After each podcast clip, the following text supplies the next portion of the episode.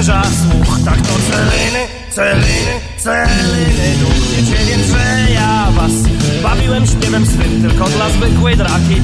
W ogóle prawdy nie ma w tym, to zwykły kawał jest. Darujcie, to już palany krew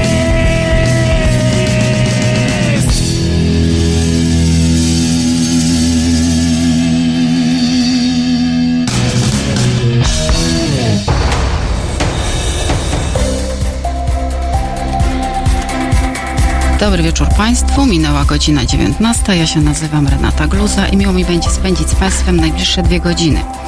E, dzisiejszej audycji nadałam sobie taki roboczy temat media kontra Ministerstwo Sprawiedliwości, a może raczej Ministerstwo Sprawiedliwości kontra media, patrząc na wyciszenie afery hejterskiej i na współpracę ludzi Ziobry z dużym portalem. Nie wiadomo, czy media mogą coś jeszcze zdziałać, czy nie. Zapraszam do słuchania. Halo Radio. No właśnie, czyżby było 2-0 dla ministra Ziobry? O tym właśnie mam zamiar, media kontra minister Ziobra, czyli 2-0 dla ministra.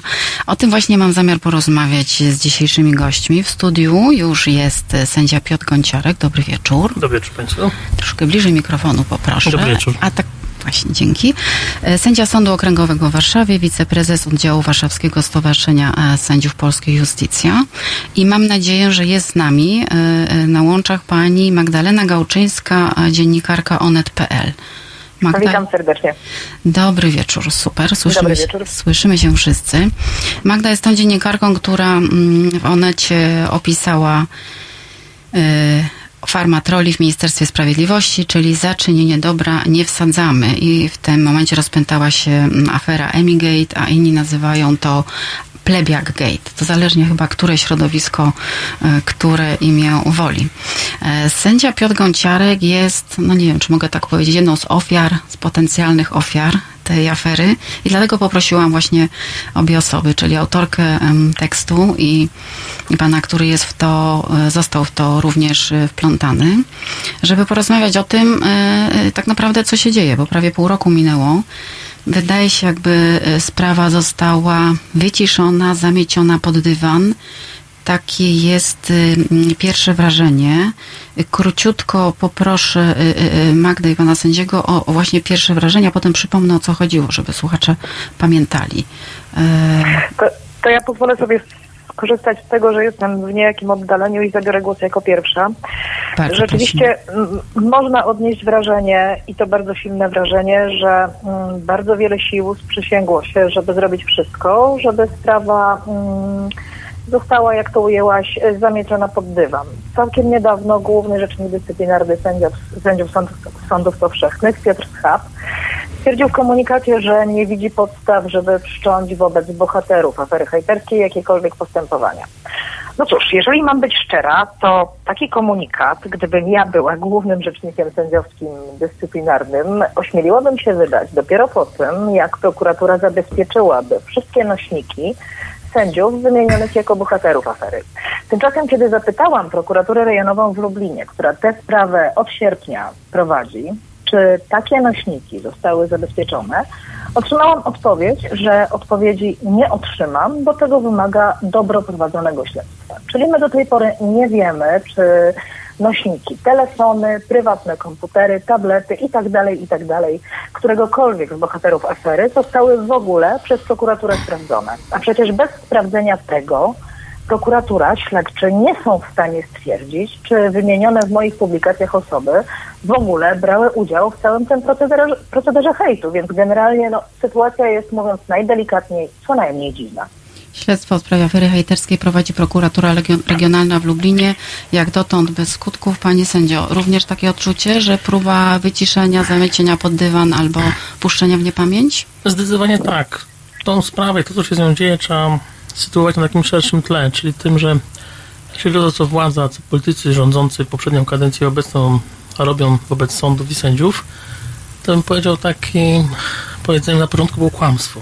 Cały czas się kłamie, mówi się półprawdy, ćwierć prawdy i zupełne kłamstwo na nasz temat, na temat sądu, na temat naszej pracy w stosunku do obywateli i się nas obraża, więc no ja tu pewnie parę razy się z tym zgodzi. Ja sądzę, że oczywiście tak powinno być, że powinno być zabezpieczone, ale to już bohaterzy tej afery, co mieli wyczyścić, zniszczyć, schować, to już dawno to zrobili. Dano im czas, nie? Dano, dano im zdecydowanie czas.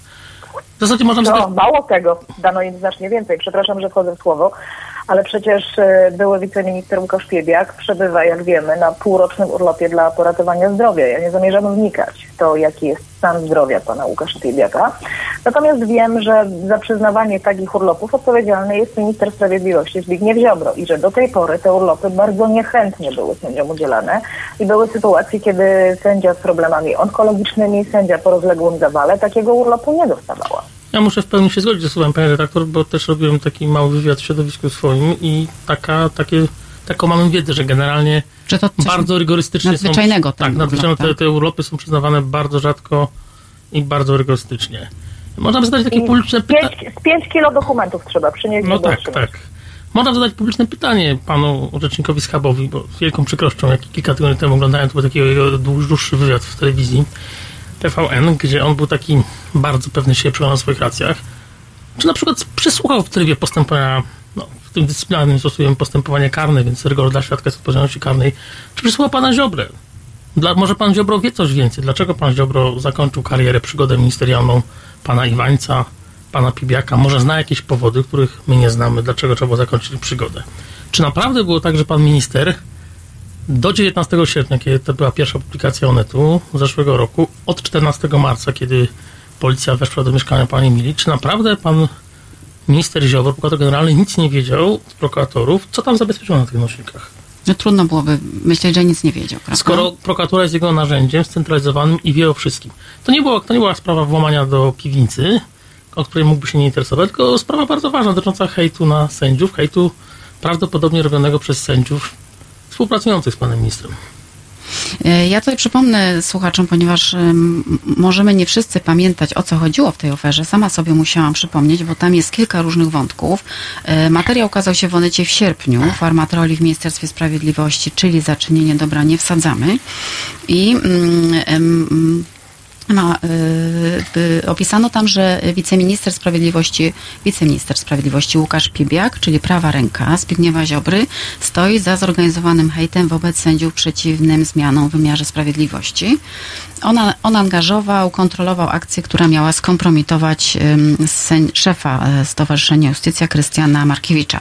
Kilku urzędników ministerstwa było w to wciągniętych. Udostępniono hejterce Emilii e, dosyć wrażliwe informacje z życia prywatnego e, niektórych sędziów. Porozumiewali się poprzez WhatsApp i Messenger. Stworzono takie konto Casta Watch. Tam ustalano, jak będą owi sędziowie kompromitowani.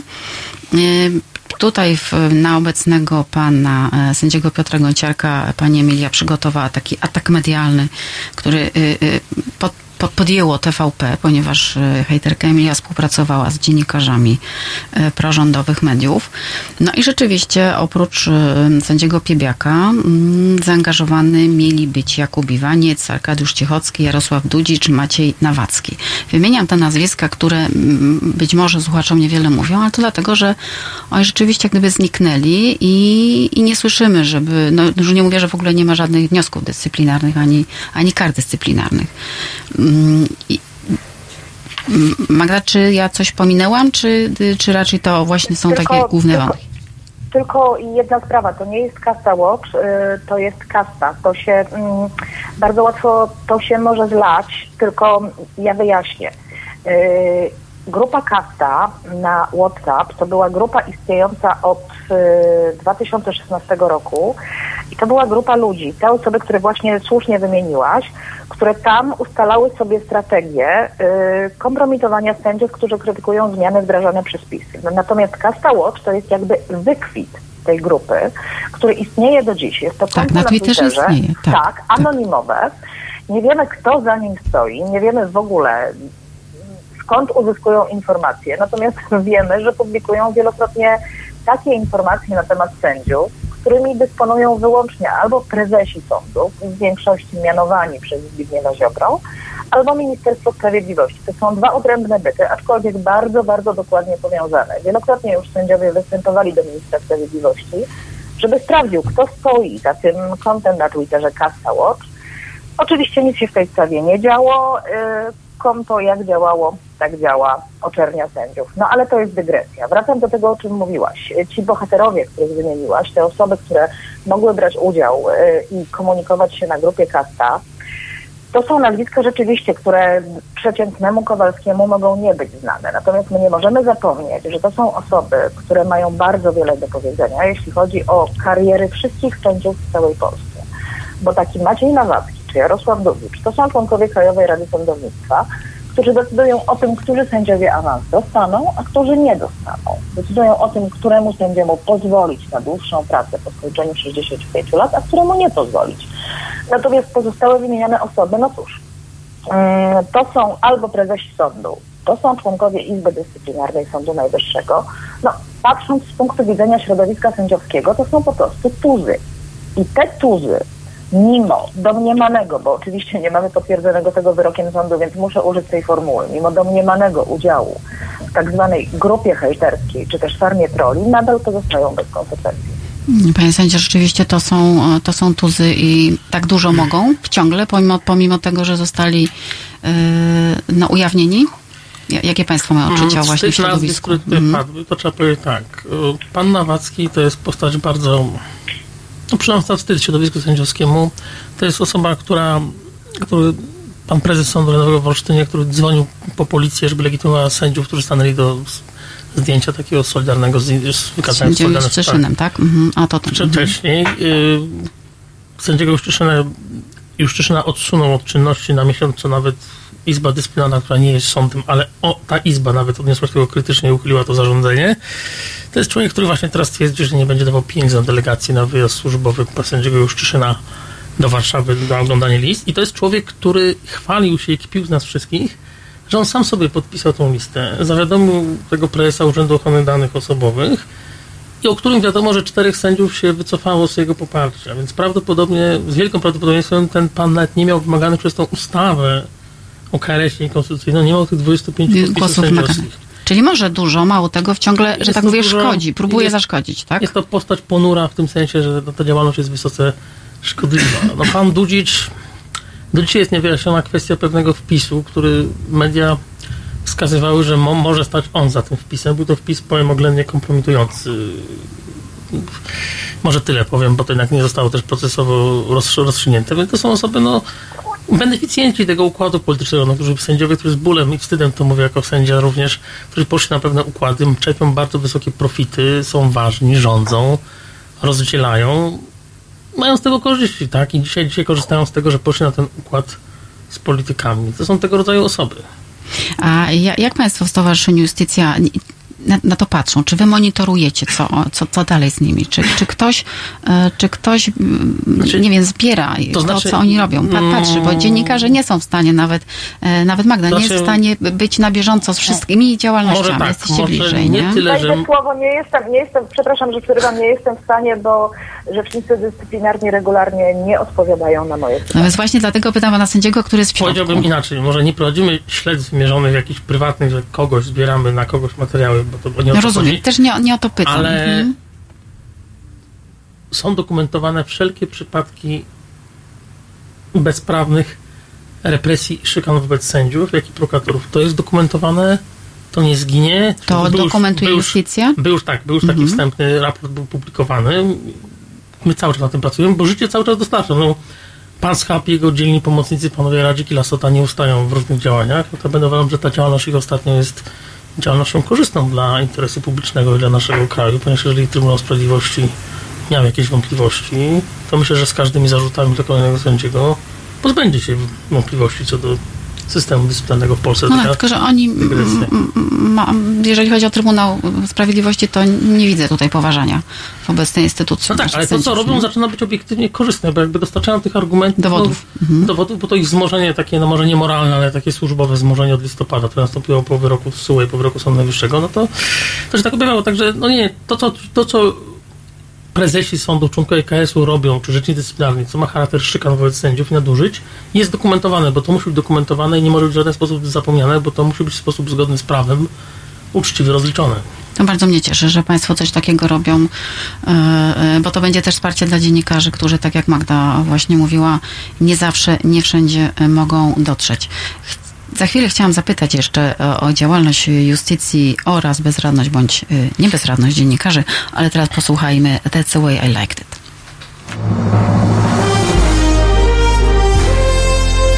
poniedziałek o poranku między siódmą a dziesiątą budzi Państwa dziennikarz i aktywista obywatelski Roman Kurkiewicz, którego serce od samego rana bije po lewej stronie.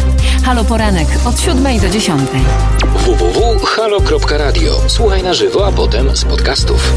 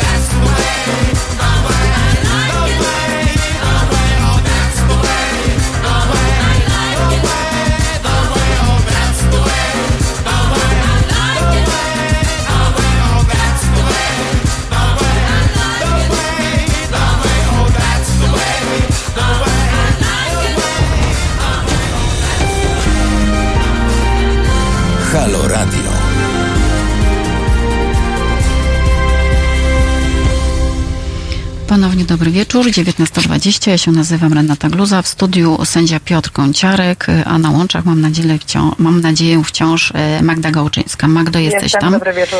E, bardzo dziękuję. E, słuchaczom, którzy się włączyli, a, a, widzę tutaj, że się włączają i witają. Dobry wieczór Państwu, oczywiście.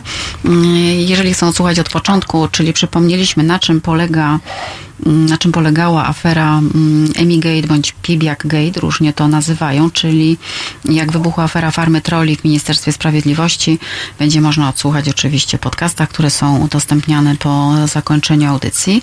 A my wracamy do rozmowy. Bardzo dużo wątków y, po tekście y, Magdy Media podjęło y, temat afery mm, hejterskiej. Wątki kolejne się pojawiały, w związku z czym i dużo kolejnych nazwisk po, po kolei wchodziło. I ja sobie prześledziłam, jakie są e, efekty. Magdo, ty niedawno w styczniu też próbowałaś to zrobić, jak czytałam, co się tak, dzieje tak naprawdę z, z tymi bohaterami afery, więc już ustaliliśmy i przypomnieliśmy w pierwszej części, że śledztwo, które prowadzi prokuratura regionalna w Lublinie, jest na razie nieukończone bez żadnych skutków. Ale tak, no, wiceminister Pibiak złożył rezygnację i jest na urlopie zdrowotnym, o czym e, rozmawialiśmy zastanawiająco długi. Dostał ten półroczny urlop dla poratowania zdrowa. E, Jakub Iwaniec e, z resortem się pożegnał. Tak, Ale tutaj pan, no właśnie, pan sędzia coś mówi, że wrócił, wrócił do orzekania? Do wrócił do orzekania kolegium sądu okręgowego zaopiniowało się jego podział czynności. Miał być kolegium, czyli już zaopiniowało, tak? Tak, czyli jest, szereg, jest szeregowym sędzią sądu rejonowego Warszawy, Mokotowa, Wydział Karny, więc no, może już za kilka tygodni będzie można na sali rozpraw spotkać. Wrócił do pracy, tak. wrócił do pracy i będzie nas sądził. Sędzia tak. Jakub Iwaniec, przypomnijmy to nazwisko, jeżeli Państwo by trafili na ten, niego który, na sali ten, rozpraw. Który, przypomnijmy, y, zdradził internetowej hejterce szczegóły dotyczące partnerki i dziecka sędziego Krystiana Markiewicza y, który stwierdził, że w korespondencji z y, małą Emi, że sędziemu Markiewiczowi należy tu cytat ostro doje tu wielokropek, bo to główny rozgrywający karty. No więc sędzia Iwaniec ma wrócić do orzekania, natomiast około 20 sędziów Sądu Rejonowego Warszawa-Mokotów, którzy napisali list do prezesa tegoż sądu, e, w którym e, podkreślili, że nie wyobrażają sobie wspólnej pracy z osobą, której rola w aferze hejterskiej nie została do końca wyjaśniona, bo nie została, no więc cała dwudziestka sędziów może mieć już wkrótce postępowania dyscyplinarne, bo rzekomo uchybili godności urzędu. Tak stwierdził jeden z zastępców sędziowskiego rzecznika dyscyplinarnego. Tu zupełnie w piątek, gdzie mamy niedzielę, w ubiegły piątek. Dziś mamy sobotę, czyli to sobotę, był piątek. W piątek tydzień temu ci sędziowie jednego dnia drogą służbową, ci wszyscy sygnatariusze tego listu, to byli sędziowie pionu karnego Sądu Mokotowskiego, otrzymali wezwania do złożenia wyjaśnień podpisane przez jednego z zastępców. Czyli to jest tak, że sędzia Iwaniec, pomimo tego, że prawie mu udowodniono, czy też publicznie pokazano, że brał udział w tej aferze, wraca do pracy i może orzekać, natomiast sędziowie, którzy nie chcą z nim pracować, i napisali, że nie chcą, mogą mieć za to dyscyplinarki, tak? I tu, że, tu zastępca rzecznika działał błyskawicznie. Wiem, to można wyjawić, bo to jest taka żadna tajemnica to pismo było skierowane w ogóle w takim trybie wewnętrznym do, do prezesa.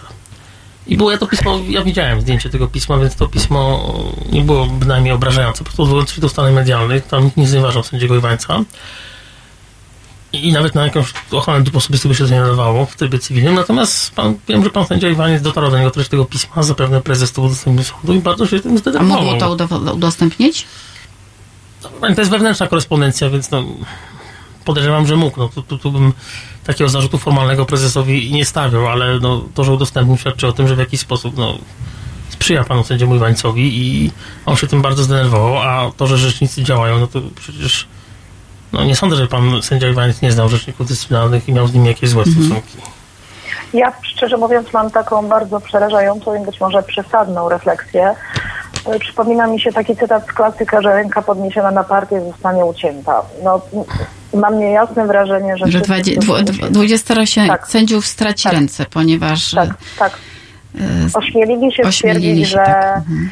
nie wyobrażają sobie orzekania z osobą, która mogła uczestniczyć w procederze hejtowania sędziów. No jest to, jest to potwornie smutne, zwłaszcza kiedy przypomnimy sobie słynny przeosławiony raczej. E, wystąpienie zastępcy rzecznika Przemysława Radzika, e, który w rozmowie z Maciejem Knapikiem z TVN-u stwierdził, że jego matka płacze i on jako sędzia i jako człowiek nie zapomni dziennikarzom tego, jak go szkalowali i że tak. wyciągnie konsekwencje.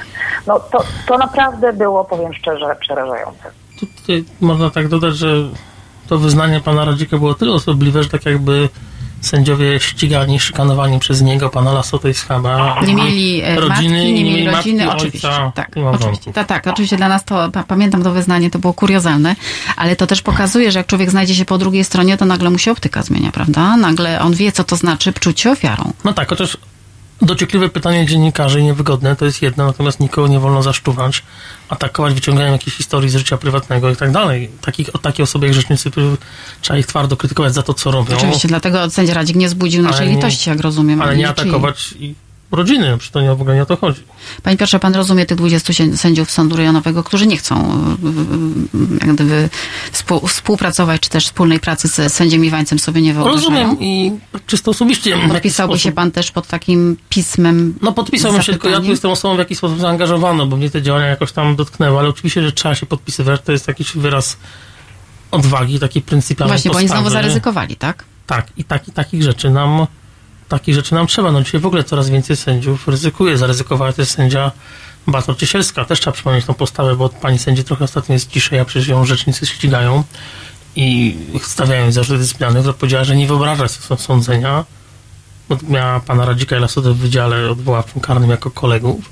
Nie wyobraża sobie sądzenia z panem Radzikiem w jednym składzie orzekającym. I na jakim etapie wyraz... teraz jest to, to postępowanie przeciwko Z tego co wiem, to pani sędzi zostały postawione zarzuty dyscyplinarne. Tak? Okay, czyli ona ma zarzuty, ponieważ tak. nie wyobraża sobie tak. pracy z, z, sędzią, który brał udział w aferze hejterskiej, który zarzutów nie dostał. Tak, tak to wygląda, tak? Tak, tak. I no ja mam nadzieję, że to się ostatecznie zakończy dobrze dla pani sędzi, bo ten cały system dyscyplinarny przecież no, wymaga uchylenia interwencji, niestety interwencji już na poziomie Trybunału Sprawiedliwości Unii Europejskiej, bo to jest żaden, to jest żaden system dyscyplinarny, to jest narzędzie po prostu represjonowania sędziów. No. Tym bardziej, tym bardziej, że nie zapomnijmy, e, Trybunał Sprawiedliwości Unii Europejskiej wprost stwierdził, że Izba Dyscyplinarna Sądu Najwyższego, która ostatecznie ma te sprawy rozstrzygać, nie jest sądem w rozumieniu prawa unijnego, a my wszyscy funkcjonujemy w prawnym porządku Unii Europejskiej. Tę samą decyzję podtrzymała Izba Pracy Sądu Najwyższego 5 grudnia, tyle że rządzący jakby tego orzeczenia nie zauważyli. No właśnie, idźmy dalej. Sędzia Arkadiusz Cichocki ma wrócić y, do orzekania w sądzie okręgowym w Gliwicach. Wprawdzie do dzisiaj się tam nie pojawił, pisałaś Magdo, tak? Ale tak powinien wrócić do pracy jak gdyby nigdy nic, tak? Powinien, ale przebywa, jak e, wiem, od rzeczniczki tegoż sądu na usprawiedliwionej nieobecności, cokolwiek to znaczy. E, jeśli mam być szczera, odkąd e, pod koniec sierpnia udało mi się porozmawiać z panem sędzią Cichockim, który potem tajemniczo zamilkł, to w zasadzie nie wiadomo, co się z panem sędzią dzieje. Po prostu zniknął. Wy coś wiecie Ja nie mam takiej wiedzy, natomiast zapamiętałem, jak ta afera wybuchła każdemu życzę dużo zdrowia. Nawet osobom, z którymi się nie zgadzam i których działalność życzę za szkodliwą. No ale pan sędzia sam całą Polskę patował historiami o swoim stanie zdrowia. Miał być w stanie bardzo ciężkim na ojomie, miały być jakieś kwestie sercowe w sensie dosłownym, kardiologiczne.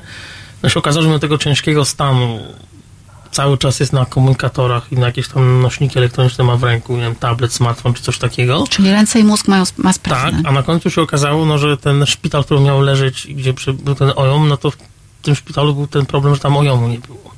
Więc to też tak trochę no, stawia wiarygodność pana sędziego wątpliwość. Mimo to no do pracy jeszcze... może wrócić. No tak. Do pracy może wrócić, ale jeszcze taki drobiazg. Ten ojom, którego nie było, to był oddział, którego ordynatorem jest osoba rodzinnie związana z sędzią Cichockim. No, jeszcze lepiej. Kolejny sędzia, Tomasz Szmyt, bardzo ciekawa postać, ponieważ to jest mąż y, były, oni są w trakcie rozwodu owej hejterki Emilii. E, a ten sędzia już w ogóle wrócił i ma chyba wyznaczone sesje wokandy, prawda? Bo ja widziałam, że nawet y, któraś tak. telewizja pokazała, tak, on, że on już On orzeka w warszawskim sądzie, w warszawskim sądzie zdecydowanym w Warszawie.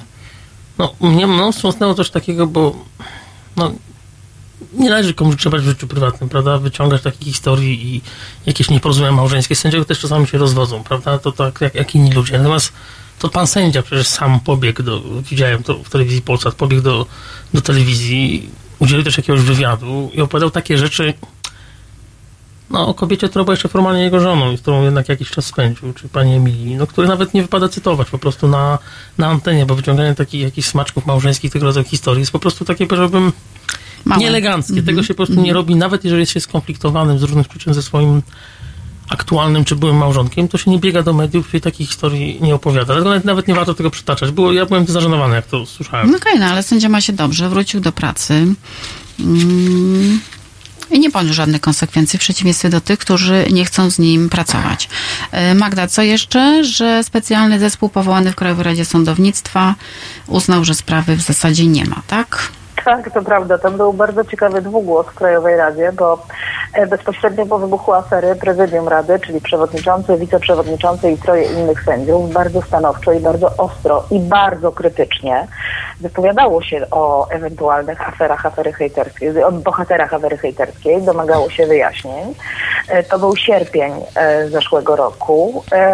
Potem upłynęło parę miesięcy, no i niestety Krajowa Rada Sądownictwa, tu cudzysłów poszła, porozum do głowy, i stwierdziła, że afery w zasadzie nie było, że nic takiego się nie stało, a posiadane dowody nie wystarczają, żeby stwierdzić, że którykolwiek z członków KRS domniemanych uczestników dialogów na grupie Kasta na Whatsappie czymkolwiek zawiniło, więc sobie dalej sędzia Budzic i sędzia Nowacki zasiadają w Krajowej Radzie, mają się dobrze, no i generalnie cisza, spokojnie, nic się nie dzieje.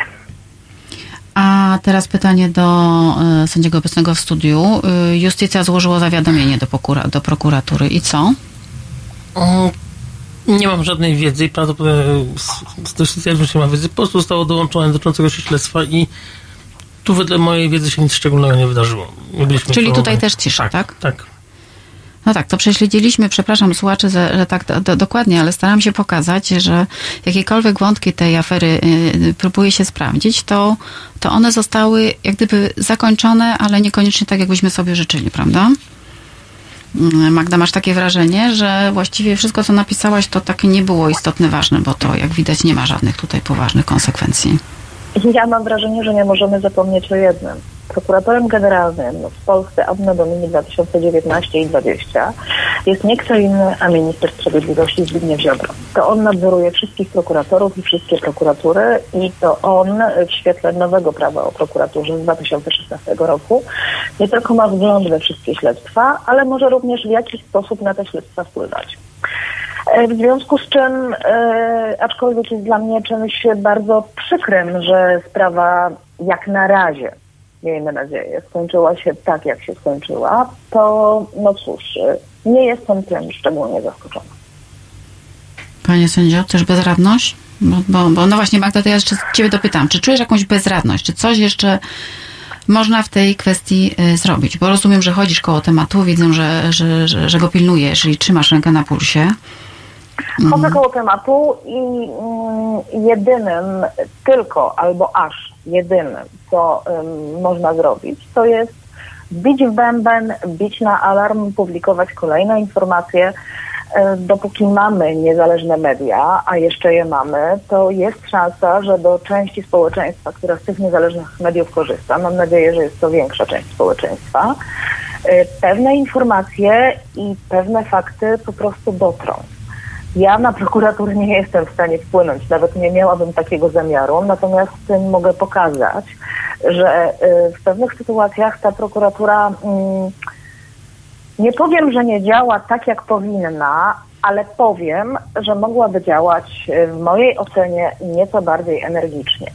Moją rolą jest tylko pokazywać prawdę. Ja te prawdy pokazuję, pokazuję fakty i im więcej osób y, o nich usłyszy i je przeczyta, to tym lepiej. Ilu uwierzy, no to jest kwestia czytelników, to jest kwestia odbiorców, to jest kwestia słuchaczy.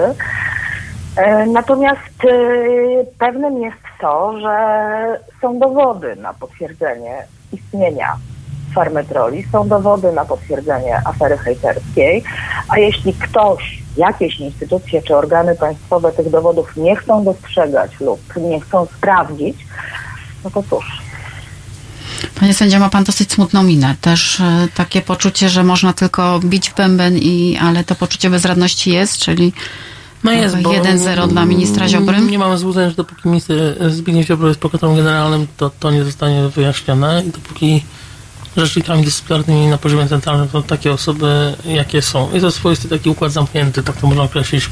Chronimy swoich i bezwzględnie ścigamy tych, którzy się próbują w jakikolwiek sposób pokazują subordynację, niezależność, sprzeciwiają się pewnej narracji, samodzielnie interpretują prawo.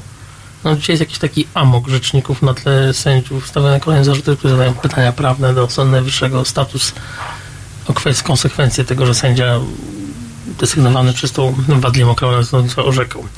No jest to smutne. W jaki sposób też staliśmy się niewolnikami pewnego no, sytuacji politycznej, ja tu nie chcę głębiej w to wchodzić, no ale ale trzeba to, trzeba nie ustępować, trzeba o tym mówić, trzeba to dokumentować, trzeba zadawać trudne pytania. No właśnie, bo ja myślę, że kiedyś drążyć. nadejdzie czas i wtedy te wszystkie Tak. dokumenty trzeba wyciągnąć, bo one gdzieś są. Ja rozumiem, te maile gdzieś są. Magda, myślę, że tam jest dużo jeszcze różnych informacji, maili, które będzie można wyciągnąć. E, natomiast rozumiem, że, mm, że trzeba mieć przygotowaną taką, e, taką broń na czasy, kiedy będzie można ją zastosować, tak?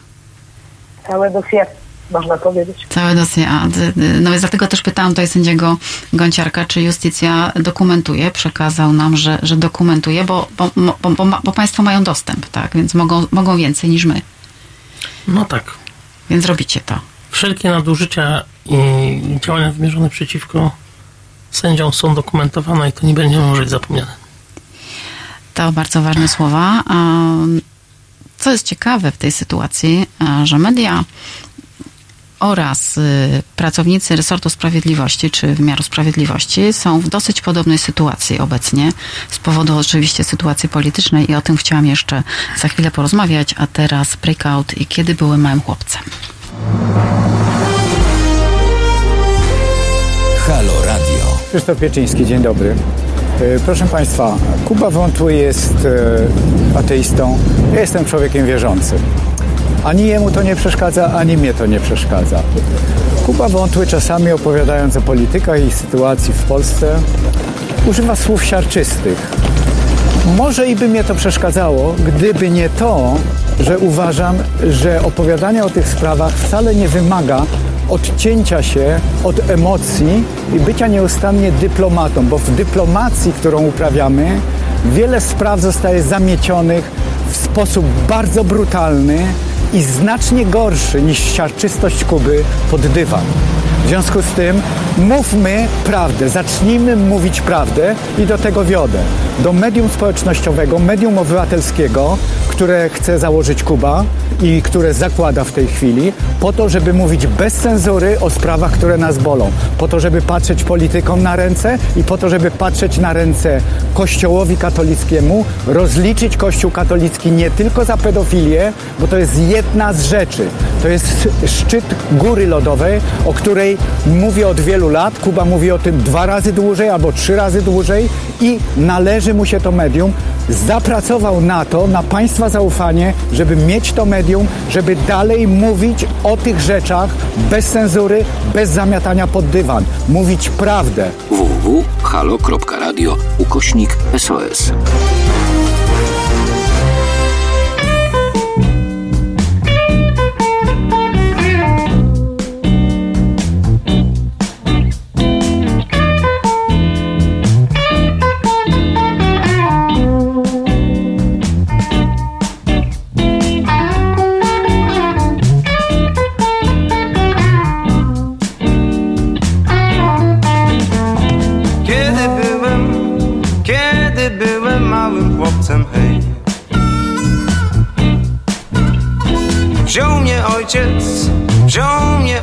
I tak do mnie rzekł.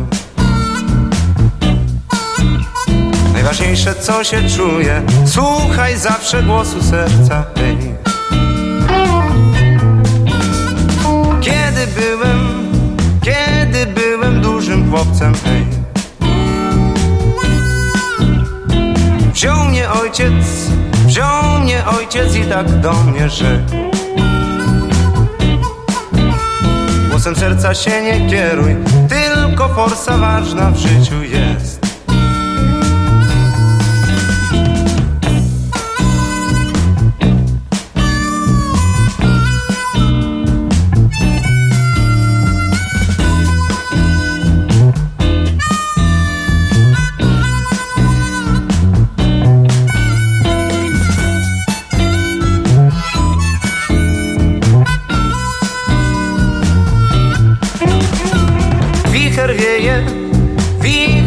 słabe drzewa łamie. Wicher wieje, wicher silne drzewa głaszcze. Hej. Najważniejsze to być silnym, wicher silne drzewa głaszcze. Hej.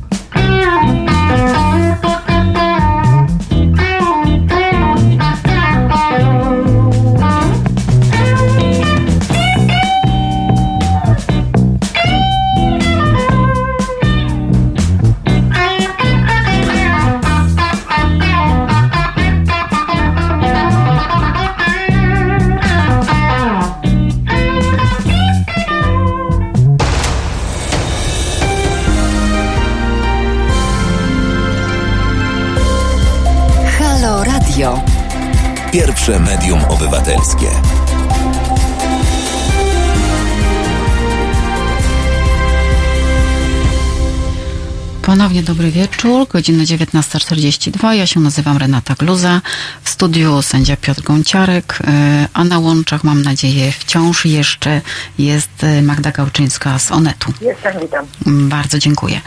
Rozmawiamy mm, o tym, czy głośna afera hejterska dotycząca farmy troli w Ministerstwie Sprawiedliwości zostaje powoli, skutecznie wyciszana, chowana pod dywan, bądź e, no właśnie, czy Ministerstwo Sprawiedliwości i po podlegli mu ludzie starają się robić tak, żebyśmy wszyscy zapomnieli o co chodziło, kto brał w tym udział, na czym to polegało. Osoby, które były głównymi bohaterami, powoli wracają do pracy, a osoby, które nie chcą z tymi osobami pracować, nagle mogą mieć zarzuty dyscyplinarne za to, że nie chcą z tamtymi pracować. I jednym słowem, powstała jakaś kompletna paranoja mm, która pomaga temu, żebyśmy powoli o tym zapomnieli, bo to było tak skomplikowane, że już właściwie nie wiadomo kto, na kogo, kiedy donosił i kto kogo hejtował. I myślę, że chodzi o wytworzenie w społeczeństwie takiego właśnie mm, poczucia. Ale w tej części, ponieważ mam e, dziennikarkę i mam koło siebie sędziego, chciałam Was zapytać o pewne podobieństwo, które nie wiem, czy się zgodzicie, dostrzegam, a mianowicie, że sytuacja środowiska i sędziów, i dziennikarzy obecnie jest bardzo podobna. To znaczy, mamy nasze środowiska bardzo podzielone, i mediów, i sędziów, i mamy wśród siebie, wśród dziennikarzy, a sędziowie wśród siebie, mm, osoby, które pracują, współpracują z władzą i wykonują jej polecenia. Nie mówię, że są jej podwładne, po prostu wykonują jej polecenia. 20 sędziów nie chce pracować sędziem, sędziem, który brał udział w aferze hejterskiej. No ale czy my zawsze już do, do końca, bo to się kiedyś zmieni, będziemy sobie mówić, że nie chcemy z tamtymi państwem pracować, ponieważ oni y, źle postępowali byli czarnymi owcami. Jak, jak wy to widzicie? Mnie się wydaje, że przepraszam, y, musimy wrócić do fundamentów i musimy sobie powiedzieć, y, cytując klasyka, czy parafrazując klasyka, że czarne jest czarne, a białe jest białe.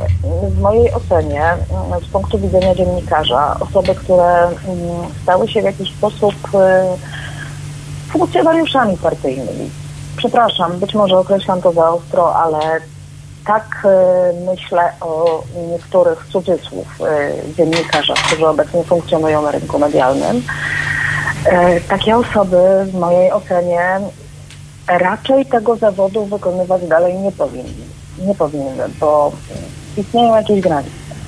Albo się jest od tego, żeby przekazywać fakty, uczciwie pytać obie strony o ocenę tychże faktów i ten ogląd w całości podawać czytelnikowi, Albo jest się po to, żeby fakty przeinaczać, e, dobierać te, które są wygodne dla narracji obozu rządzącego i czerpać z tego profity choćby w postaci reklam od spółek Skarbu Państwa. E, tak więc e, wydaje mi się, że... Mm, Magda, ty masz absolutną słuszność, tylko że sytuacja będzie taka, że jeżeli kiedyś się sytuacja zmieni, będzie troszkę inaczej, to że być może będziemy, kreska? być może, tak, że będzie, albo że będziemy musieć Nie. zrobić grubą kreskę, albo że za chwilę w twojej redakcji będą te osoby pracować. Co wtedy Nie. zrobisz? Jak owi sędziowie powiesz, ja z tym panem nie siedzę? Po pierwsze nie wierzę, żeby takie osoby mogły w mojej redakcji pracować, chyba że władza się nie zmieni i zlikwidują nam niezależne media, ale wtedy prawdopodobnie ja już nie będę, nie będę dziennikarzem z oczywistych względów. Um, albo po prostu no, trzeba się będzie jasno określić. Mhm. Albo się jest dziennikarzem i podaje się fakty, albo jest się propagandystą i podaje się pewien ogląd rzeczywistości. No, to jest przecież oczywiste. Tak, to jest oczywiste, e, ale niestety rzeczywistość nie jest taka prosta, nie jest czarno-biała. I to dzisiaj prawda. w redakcjach y, pracują dziennikarze, którzy kiedyś pracowali y, w mediach y, prawicowych i, i pracują, nie wiem, posypali głowy popiołem i, i, się ich, i się ich przyjęło. I za chwilę z, z sędziami będzie tak samo, bo, bo sędzia Piotr Kąciarek nie może sobie powiedzieć, że albo jest się sędzią, albo nie. No po prostu jest sędzią i ten drugi sędzia, który, już nie mówię o aferze hejterskiej, ale choćby, który przyjął nominację mm, z rąk obecnej władzy i, i robił niefajne rzeczy, będzie pracował w tym samym sądzie. I, i panie sędzio i co? I, i będziecie razem. Znaczy, to jest wielki problem. No. To się zgadza, że jest podobieństwo sytuacji. Powiem tylko tyle, że może nie ma podobieństwa w kategoriach ilościowych, bo sądzę, że jednak sędziów, którzy czynnie zaangażowali się w popieranie tych złych posunięć polityków obecnie z sądów, jest jednak znacznie, znacznie mniej niż tych dziennikarzy, powiedziałbym, takich prorządowych. To jednak jest ciągle bardzo niewielka mniejszość, znacznie mniej niż 10% ogółu sędziów. Czyli waszym zdaniem, pana zdaniem jesteście w lepszej sytuacji niż my? W kategoriach ilościowych, mhm. ale jakościowych to już niekoniecznie.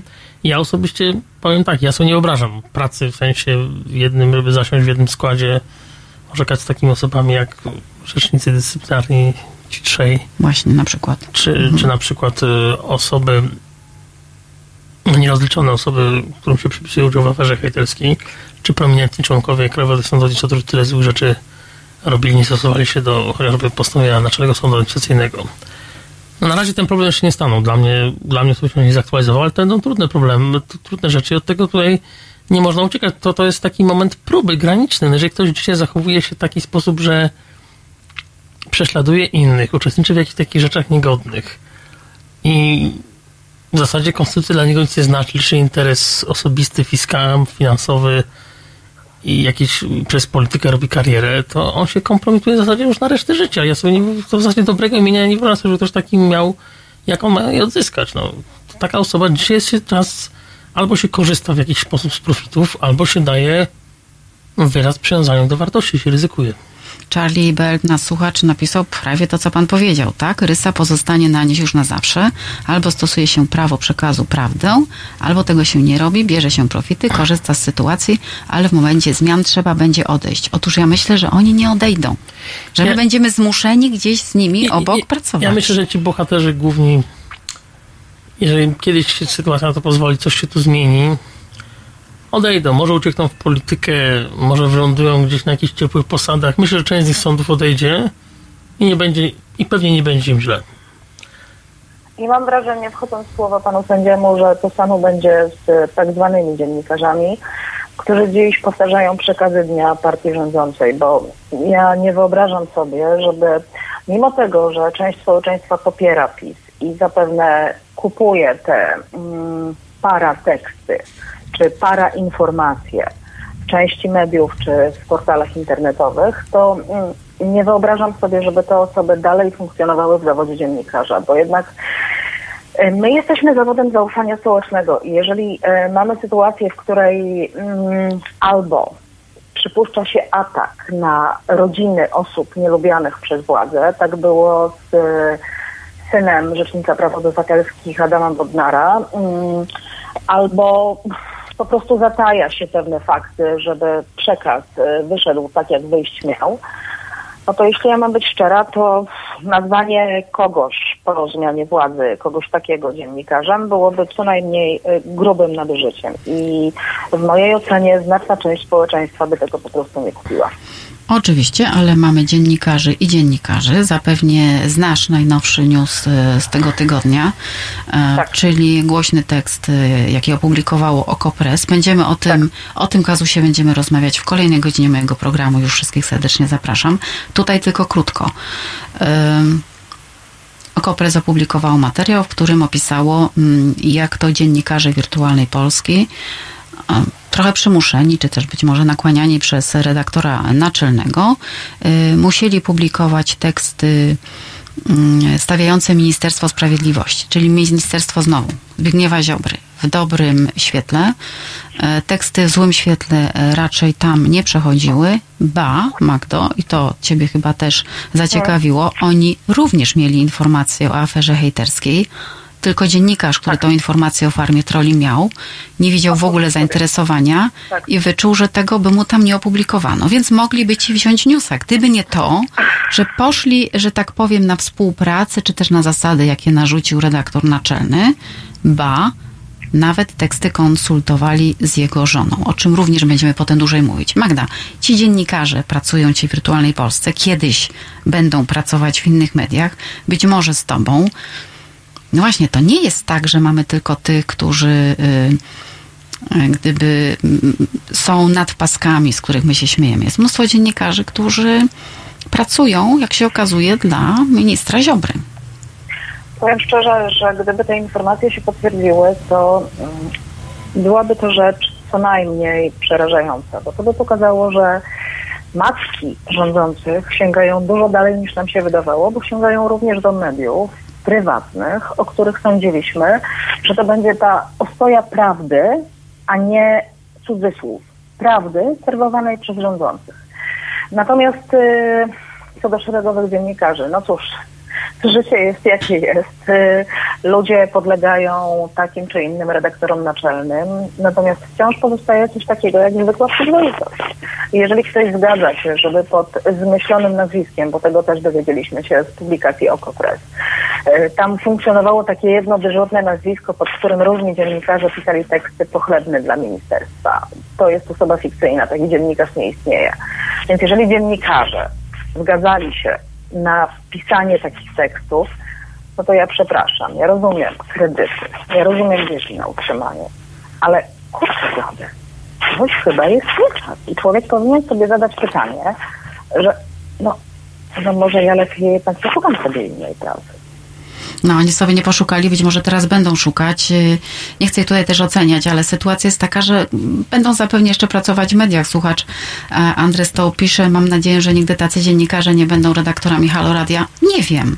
Nie wiem, ponieważ ludzie przechodzą z mediów do mediów, my też nie wszystko o wszystkich wiemy, nie wiemy, co kto ma za uszami, e, ale prawdą jest, i to pisze Zbigniew Kalinowski, że media prywatne też się da kupić i zastraszyć, jak widać. Nie tylko, e, nie tylko sądy. I, i, ma, I, to jest ta sama, ta, ta, ta, ta, ta, to samo źródło, czyli znowu Ministerstwo Sprawiedliwości. Tak, i znowu słynne, słynne zdanie business is usual. Tak. E, panie sędzio, Mówi pan, że was jest liczebnie trochę mniej. Natomiast, a my jesteśmy, wydaje się, w lepszej sytuacji, no bo jednak fu, jeszcze gdzieś jaką, jakąś tą wolność słowa mamy i nie, nie podlegamy takim e, urzędowym, administracyjnym strukturom, jakim, jakim wy podlegacie. Ale że wejdę ci Renata w tak. słowo, obecna sędzia Trybunału Konstytucyjnego była posłanka Krystyna Pawłowicz, przecież już zapowiadała dziennikarzowi Onetu, że za nas się też wezmą. No właśnie tak chciałam sędziego troszkę podpytać, czy za nas się też wezmą, jak, e, jak on to czuje. Bo my, bo znaczy mnie przeraża to, co, co udało się ministrowi Ziobrze zrobić z wirtualną Polską. Nie no, w tej chwili w naszym kraju zostały takie w zasadzie dwa segmenty, jakie chcącą niezależność w ogóle nam wszystkim obywatelom, czyli mamy jeszcze sektor wolnych mediów, tych, które nie popierają rządu, nie są jakoś powiązane finansowo z rządem i mamy jeszcze niezależne sądy. Mamy jeszcze z sędziami, którzy zdecydowanej większości nie idą na jakieś tutaj układy, nie robią kariery u ministra Ziobry i w instytucjach jemu podporządkowanych formalnie lub nieformalnie, więc nie no, wierzę, że jako obywatel wierzę, że wolne media przetrwają. Chociaż pewnie łatwo nie jest i nie będzie. A my z Magdą będziemy w takim razie wierzyć, że e, również że wolne sądy przetrwają i media przetrwają. Magdo, bardzo dziękuję za rozmowę. Dziękuję również. Dziękuję bardzo e, sędziemu Piotr, Piotrowi Grocierkowi.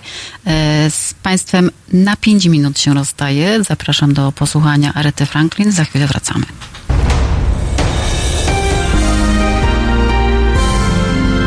Poniedziałek między 19 a 21 dziennikarz śledczy Tomasz Piątek i tajemnice sługusów Moskwy z polskimi paszportami. 19.21 www.halo.radio. Słuchaj na żywo, a potem z podcastów.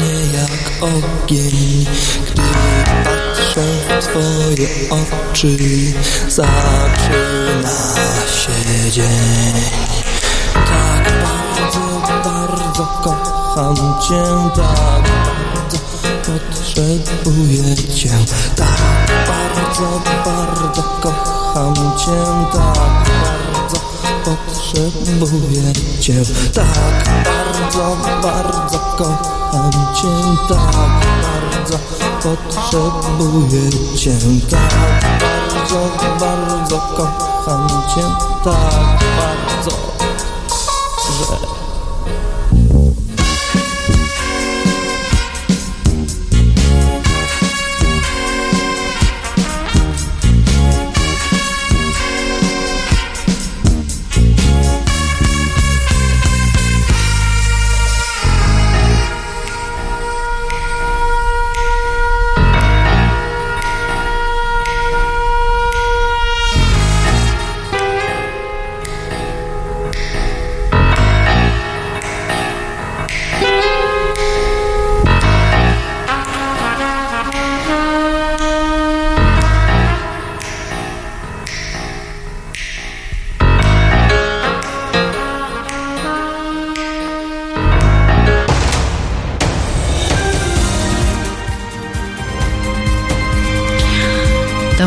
wieczór. Minęła godzina 20. Jesteśmy z powrotem na antenie. Ja się nazywam Renata Gluza. W studiu już mój nowy gość, którego za chwilę przedstawię.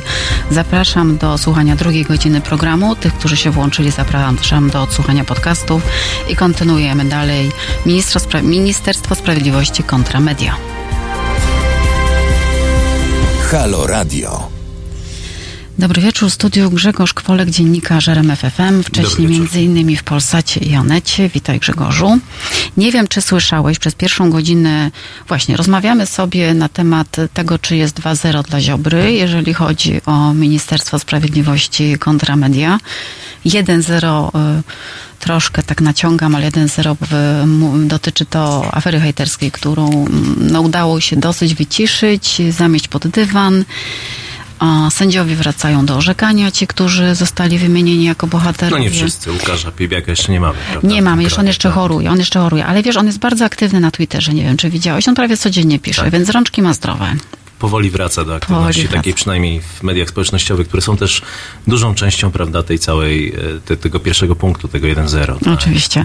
Natomiast sędziowie, którzy nie chcą pracować e, z, z tymi sędziami, nagle grozi im postępowanie dyscyplinarne, więc wszystko zostało obrócone o 180 stopni, bardzo umiejętnie. Stąd y, przewrotne 1-0.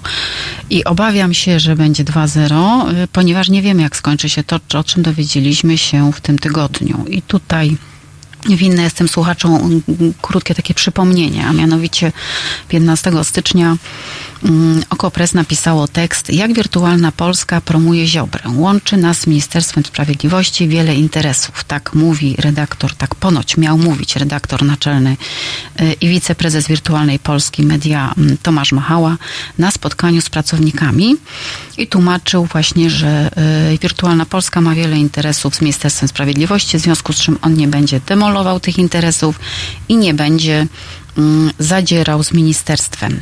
W imię tego, żeby napisać na przykład, gdzie Ziobro zjadł sushi. Wiadomo, że nie o to chodziło, no ale tak to tłumaczył. W tym tekście było y, również o tym, że jest cenzura i blokowanie artykułów krytycznych wobec Ziobry w wirtualnej Polsce, y, że te teksty pozytywne są pisane pod pseudonimami bądź przez osoby, które nie istnieją, czyli fałszywymi nazwiskami podpisywane. I co no naprawdę straszne, e, dziennikarze wirtualnej Polscy zostali e, nakłonieni do tego, żeby przed publikacją tekstów dzwonić do żony ministra Ziobry, Patrycji Koteckiej i wczytać jej, czy aby dobrze ten tekst napisali, czy źle. Uśmiałamy się tutaj z Grzegorzem, ponieważ my Patrycję Kotecką znamy, no myślę, że całe środowisko myślę, że całe środowisko, dekady pracuje. Tak, Patrycja tak. Kotecka, zwana Patti Kotti, taką miała ksywkę w tym naszym środowisku. Obecnie jest dyrektorem marketingu Towarzystwa Ubezpieczeń Link 4. Link 4 należy do PZU, czyli spółka Skarbu Państwa i pani Patrycja bardzo dba o PR własnego męża.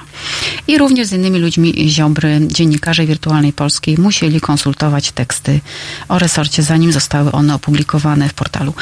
E, to jest w skrócie to, co opublikował mm, portal Okopres, Wirtualna Polska oczywiście zaprzeczyła, że to stek kłamstw i pomówień, nie podając dowodów. No to zaprzeczenie nie, nie było takie mocne. Ja bym chciał usłyszeć zaprzeczenie, że to stek kłamstw i pomówień, bo wszyscy, no chyba całe środowisko dziennikarskie mm, czekało w momencie publikacji na to, jak zareaguje Wirtualna Polska, jak zareaguje sam e, Tomasz Machała, który w żaden sposób oficjalnie tego, ani nieoficjalnie tego chyba nie skomentował.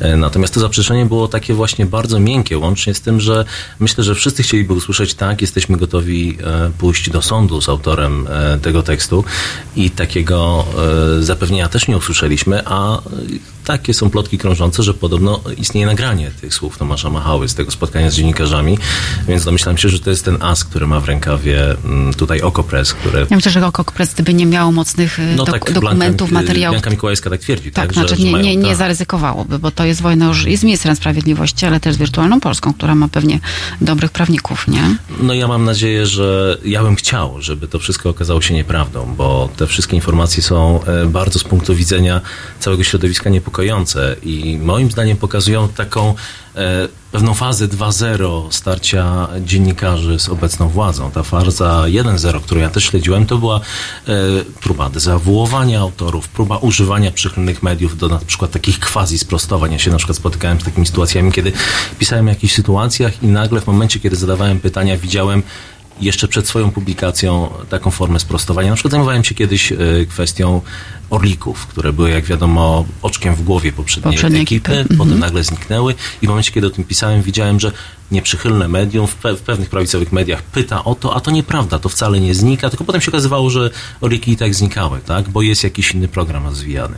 I to była faza 1.0, a faza 2.0 moim zdaniem to jest to, co widzimy teraz, czyli próba wywierania pewnej e, presji na media przy pomocy środków ekonomicznych. Ale, i tutaj zwraca uwagę słuchaczka, pani Ewa Lisek, słuszna uwaga, ten pan redaktor Machała to wcześniej był związany z na temat, czyli kierunek zupełnie przeciwny.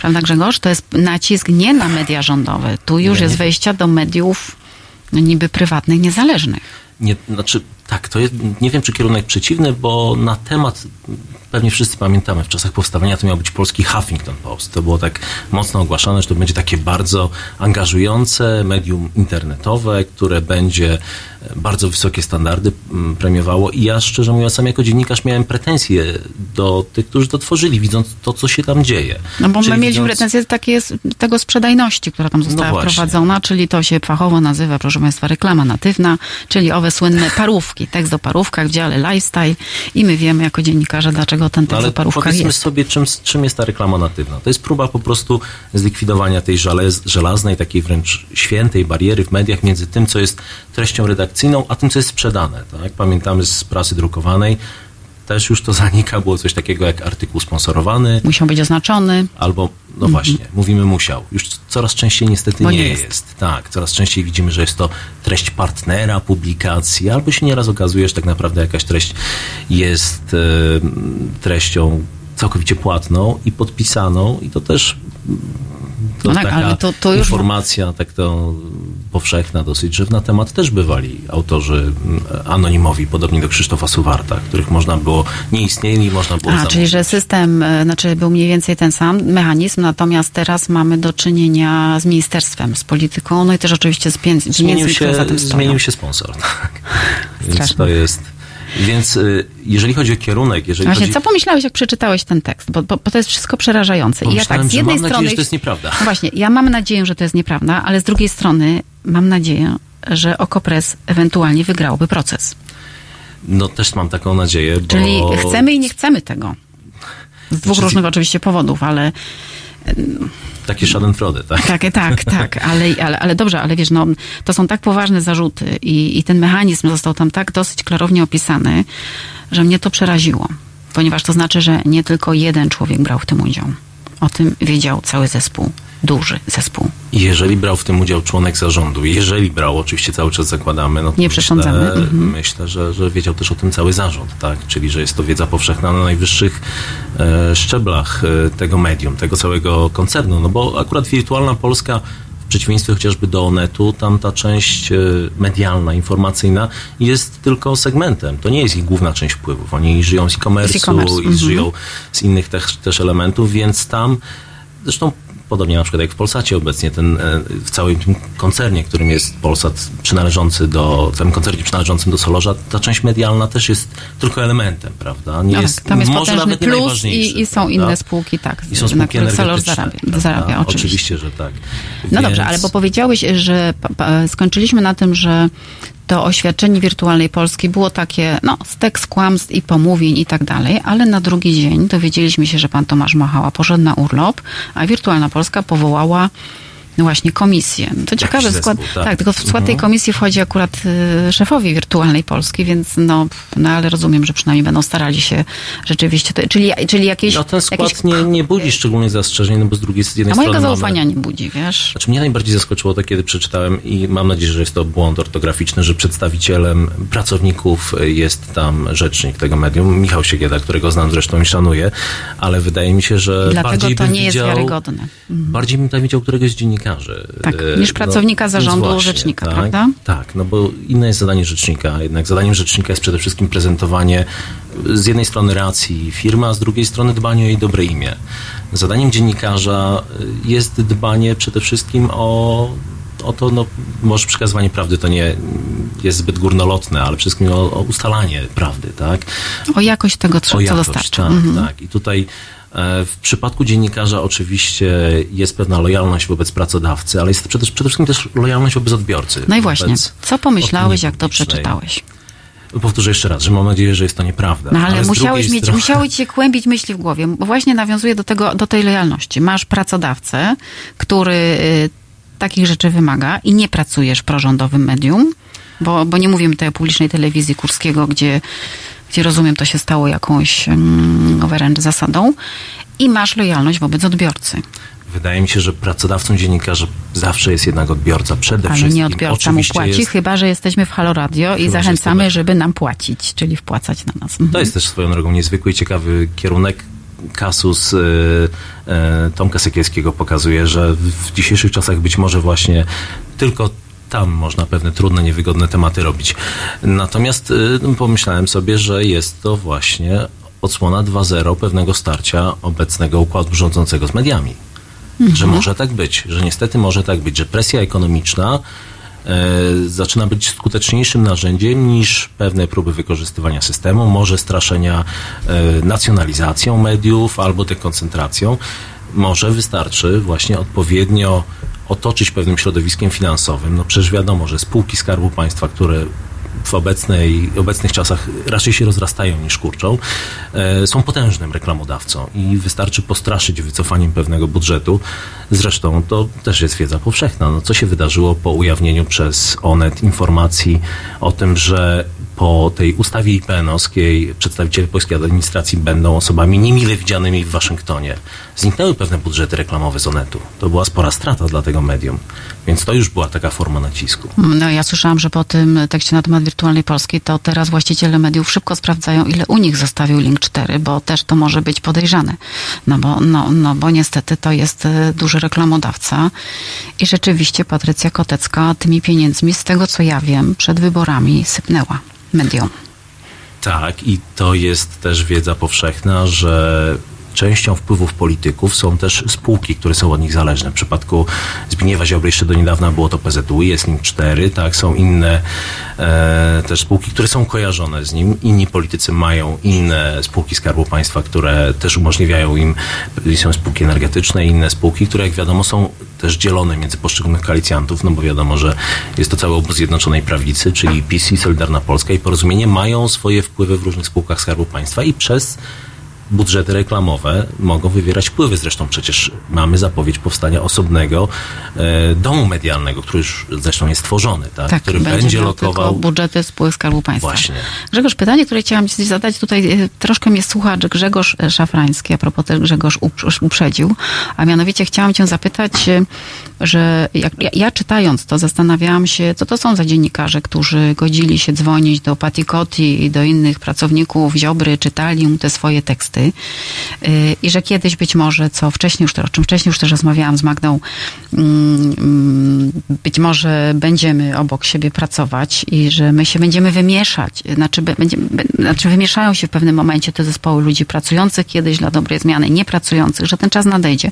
Tu słuchacz cię pyta, czy aby w RMF nie pracuje pseudodziennikarz, ym, yy, yy, tutaj przydomek mu nadany Ziemiec, tak odnośnie rozmowy w poprzedniej godzinie właśnie, nie? Że, że, że to są dziennikarze też. Jestem przekonani, że dziennikarze pokoje- RMF-u to są dziennikarze i, i, i, i wszyscy spełniamy odpowiednie standardy, więc przy tym bym pozostał. Natomiast y, no, środowisko faktycznie jest w czasach takiej mocnej próby. Tak? W wirtualnej Polsce też widzimy w ostatnich czasach spore zmiany personalne. Dziennikarze, których tam czytałem z przyjemnością, którzy pisali trudne teksty dla obecnej ekipy rządzącej, chociażby Grzegorz Łakomski, y, czy na przykład Jarek Kociszewski, który zajmował się zagranicą, już tam nie są. Tak? Mhm. Nie, nie mówimy w tym momencie. Czyli obserwowaliście e, pewną taką zmianę, mm, przestawianie wajchy, tak? Bo, bo w środowisku to było komentowane, że Wirtualna Polska w pewnym momencie przestawia wajchę. Mm, No właśnie, tak mniej krytykując obóz władzy. Tylko to też y, tutaj bym mówił o pewnym sensie o czynnikach ekonomicznych. Y, W mediach takich jak Wirtualna Polska wcześniej na temat stawia się na dziennikarzy tańszych, mniej doświadczonych, ale może z bardziej elastycznymi kręgosłupami.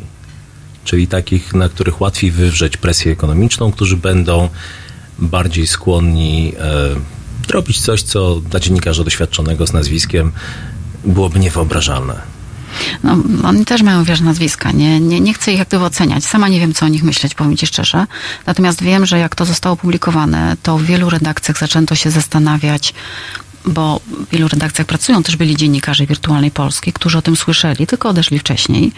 E, I, I zaczęli też opowiadać pewne rzeczy, co oni widzieli. I nagle się okazuje, że to była taka, taka tajemnica Poliszynela że trochę e, wiedzieliśmy, czy też inni wiedzieli, e, że takie zasady, że takie zasady panują. I zastanawiam się, czy gdyby na przykład Okopres tego nie napisało, to, to by dalej nie, nie hulało sobie, ba, nie weszłoby do kolejnego medium.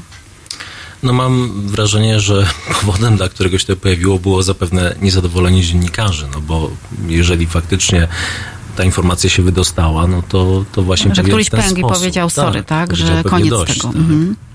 tak, natomiast mówię, wciąż wierzę, że może jest to jakieś nieporozumienie, może... Znaczy, znam tą Kamachałę po prostu. Mieliśmy okazję poznać się jeszcze w Polsacie, przed, postacie, przed powstaniem Polsat News. Pracowaliśmy razem w czasach Tomasza Lisa, którego bardzo cenię. Choć teraz może jego zaangażowanie po pewnej stronie sporu politycznego uważam za nadmierne i myślę, że że jednak dziennikarzowi to nie przystoi, ale wiem, że on ma inne zdanie i uważa, że przystoi na przykład chodzenie na demonstracje polityczne. Ja uważam, że jednak to nie jest rolą dziennikarza. E, natomiast wracając do Tomka Machały, w czasach e, Polsatu naprawdę dał się poznać jako świetny, obiektywny, bezstronny dziennikarz, oczywiście. który mhm. nie bał się poruszać trudnych tematów i robił to w sposób bardzo rzetelny, więc Chciałbym wierzyć, że być może jego słowa zostały w pewien niewłaściwy sposób zrozumiane, ale ten wątek dotyczący rozmów e, z Patrycją Kotecką, o, o której wiemy, że dba o od dawna, odkąd e, Zbigniew Ziobro jest aktywnym politykiem pierwszego planu obecnego obozu rządzącego, dbał o jego wizerunek. No i zresztą zdarzył się jej telefon do TVN24, gdzie tak, korygowała właśnie sobie przypomniałam, że tak, że, że ośmieliła się zadzwonić do kawy na ławę, powiedzieć, że nieprawda, mój mąż tego radcy związanego tam z aferą KNF-u nie zna. No więc Co właśnie. za tupet, prawda? Ale też zastanawiałam się wtedy, dlaczego odebrał Piasecki ten telefon, wiesz? Dlaczego my... któryś z jego wydawców akurat, no bo on tak, oczywiście prowadził wtedy, więc, mm. więc znaczy nawet nie, że nie wiedział, tylko że nie, nie mógł być telefon do niego bezpośrednio bezpośrednio.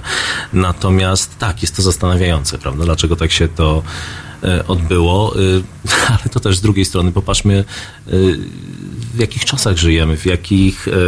Znaczy mam wrażenie, że obóz obecny rządzący stara się otoczyć taką, taką bańką medialną. Mamy media tej strony rządzącej, które idą zupełnie równolegle wobec rzeczywistości prezentowanej przez e, media niezależne. Niestety media niezależne też trochę idą zupełnie równolegle i pewnych rzeczy ujawnianych przez media e, te publiczne e, też nie poruszają. I to jest bardzo smutne, tak, że mamy dwie Polski. Polski, które oglądają TVN, Polsat może, który też trochę idzie gdzieś środkiem i mamy Polskę, która ogląda TVP. I to jest bardzo smutne. I to jest ten trend, który przychodzi gdzieś z zachodu, ze Stanów Zjednoczonych, że żyjemy że, że ludzie mogą y, zupełnie inne zestawy informacji pochłaniać i zupełnie nie wiedzieć, co tak naprawdę się dzieje. Tak? No tak, ale to jest troszkę inny temat od tego, do którego tak. wyszliśmy, czyli że jednak duże komercyjne medium y, próbuje przerzucić most ponad tymi dwoma równoległymi światami. I że to nie jest most y, zbudowany na tym, że spróbujemy być obiektywni, pokażemy jedną i drugą stronę, tylko to jest sztuczny most zbudowany pewnie na obietnicach y, finansowych albo, mm, albo że damy wam spokój w jakichś, y, w jakichś tam obszarach działalności, który jest zbudowany politycznie. Czyli nagle medium komercyjne, niezależne zaczyna troszkę pracować dla władzy. I ja się takich mostów boję, wiesz, bo to jest e, piekielnie niebezpieczne, szczególnie jak widzę, że e, żona ministra e, ma taką władzę, i że, i że, ma w ogóle taki tupet, że odbiera te telefony, że sama dzwoni i że dziennikarze nie mają problemu, żeby wykręcić do niej numer.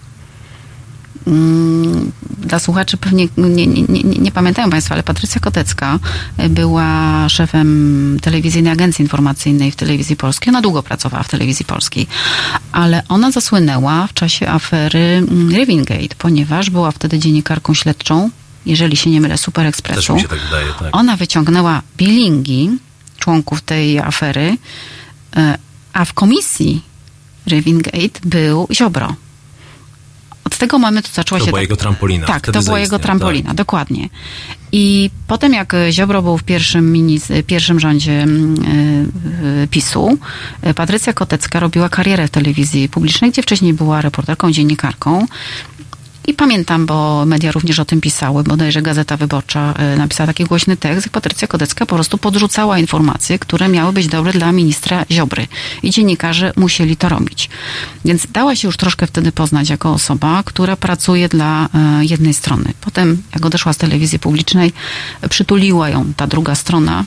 Pracowała w spółce firmie Appella, y, której właścicielem jest y, spółka wydająca mm, fratry. Opowiadam tak w skrócie, bo to są dosyć zawiłości, ale chcę pokazać, że ona cały czas się, y, się kręciła wokół tych mediów, ale dała się już poznać jako osoba, osoba dosyć niebezpieczna, która naciska na media, ale jednak co innego jest, jak robi to, to będąc szefową informacji, bo jednak jest medium, a co innego, jak jest żoną ministra. A mimo to nie mamy obciachu.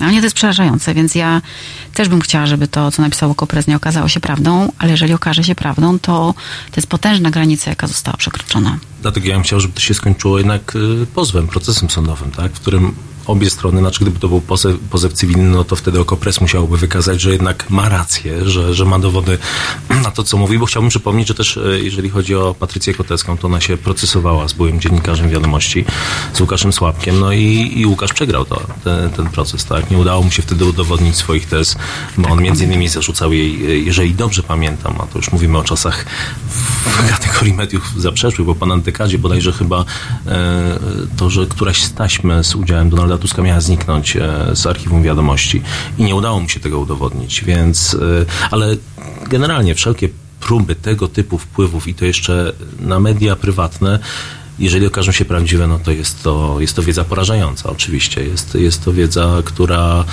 no, powinna skutkować przynajmniej bardzo poważnymi zmianami w wirtualnej Polsce. Być może we wszystkich mediach, bo z tego co wiem, to wiele redakcji teraz zastanawia się, analizuje to, mm, jak to u mnie wyglądało, tak się myślą niektórzy naczelnie, o czym za chwilę porozmawiamy. A teraz y, Supergirl i Rimon. Halo Radio. Cześć, nazywam się Renata Gabrielska i wspieram Halo Radio, jedyne w Polsce medium obywatelskie. www.halo.radio ukośnik SOS.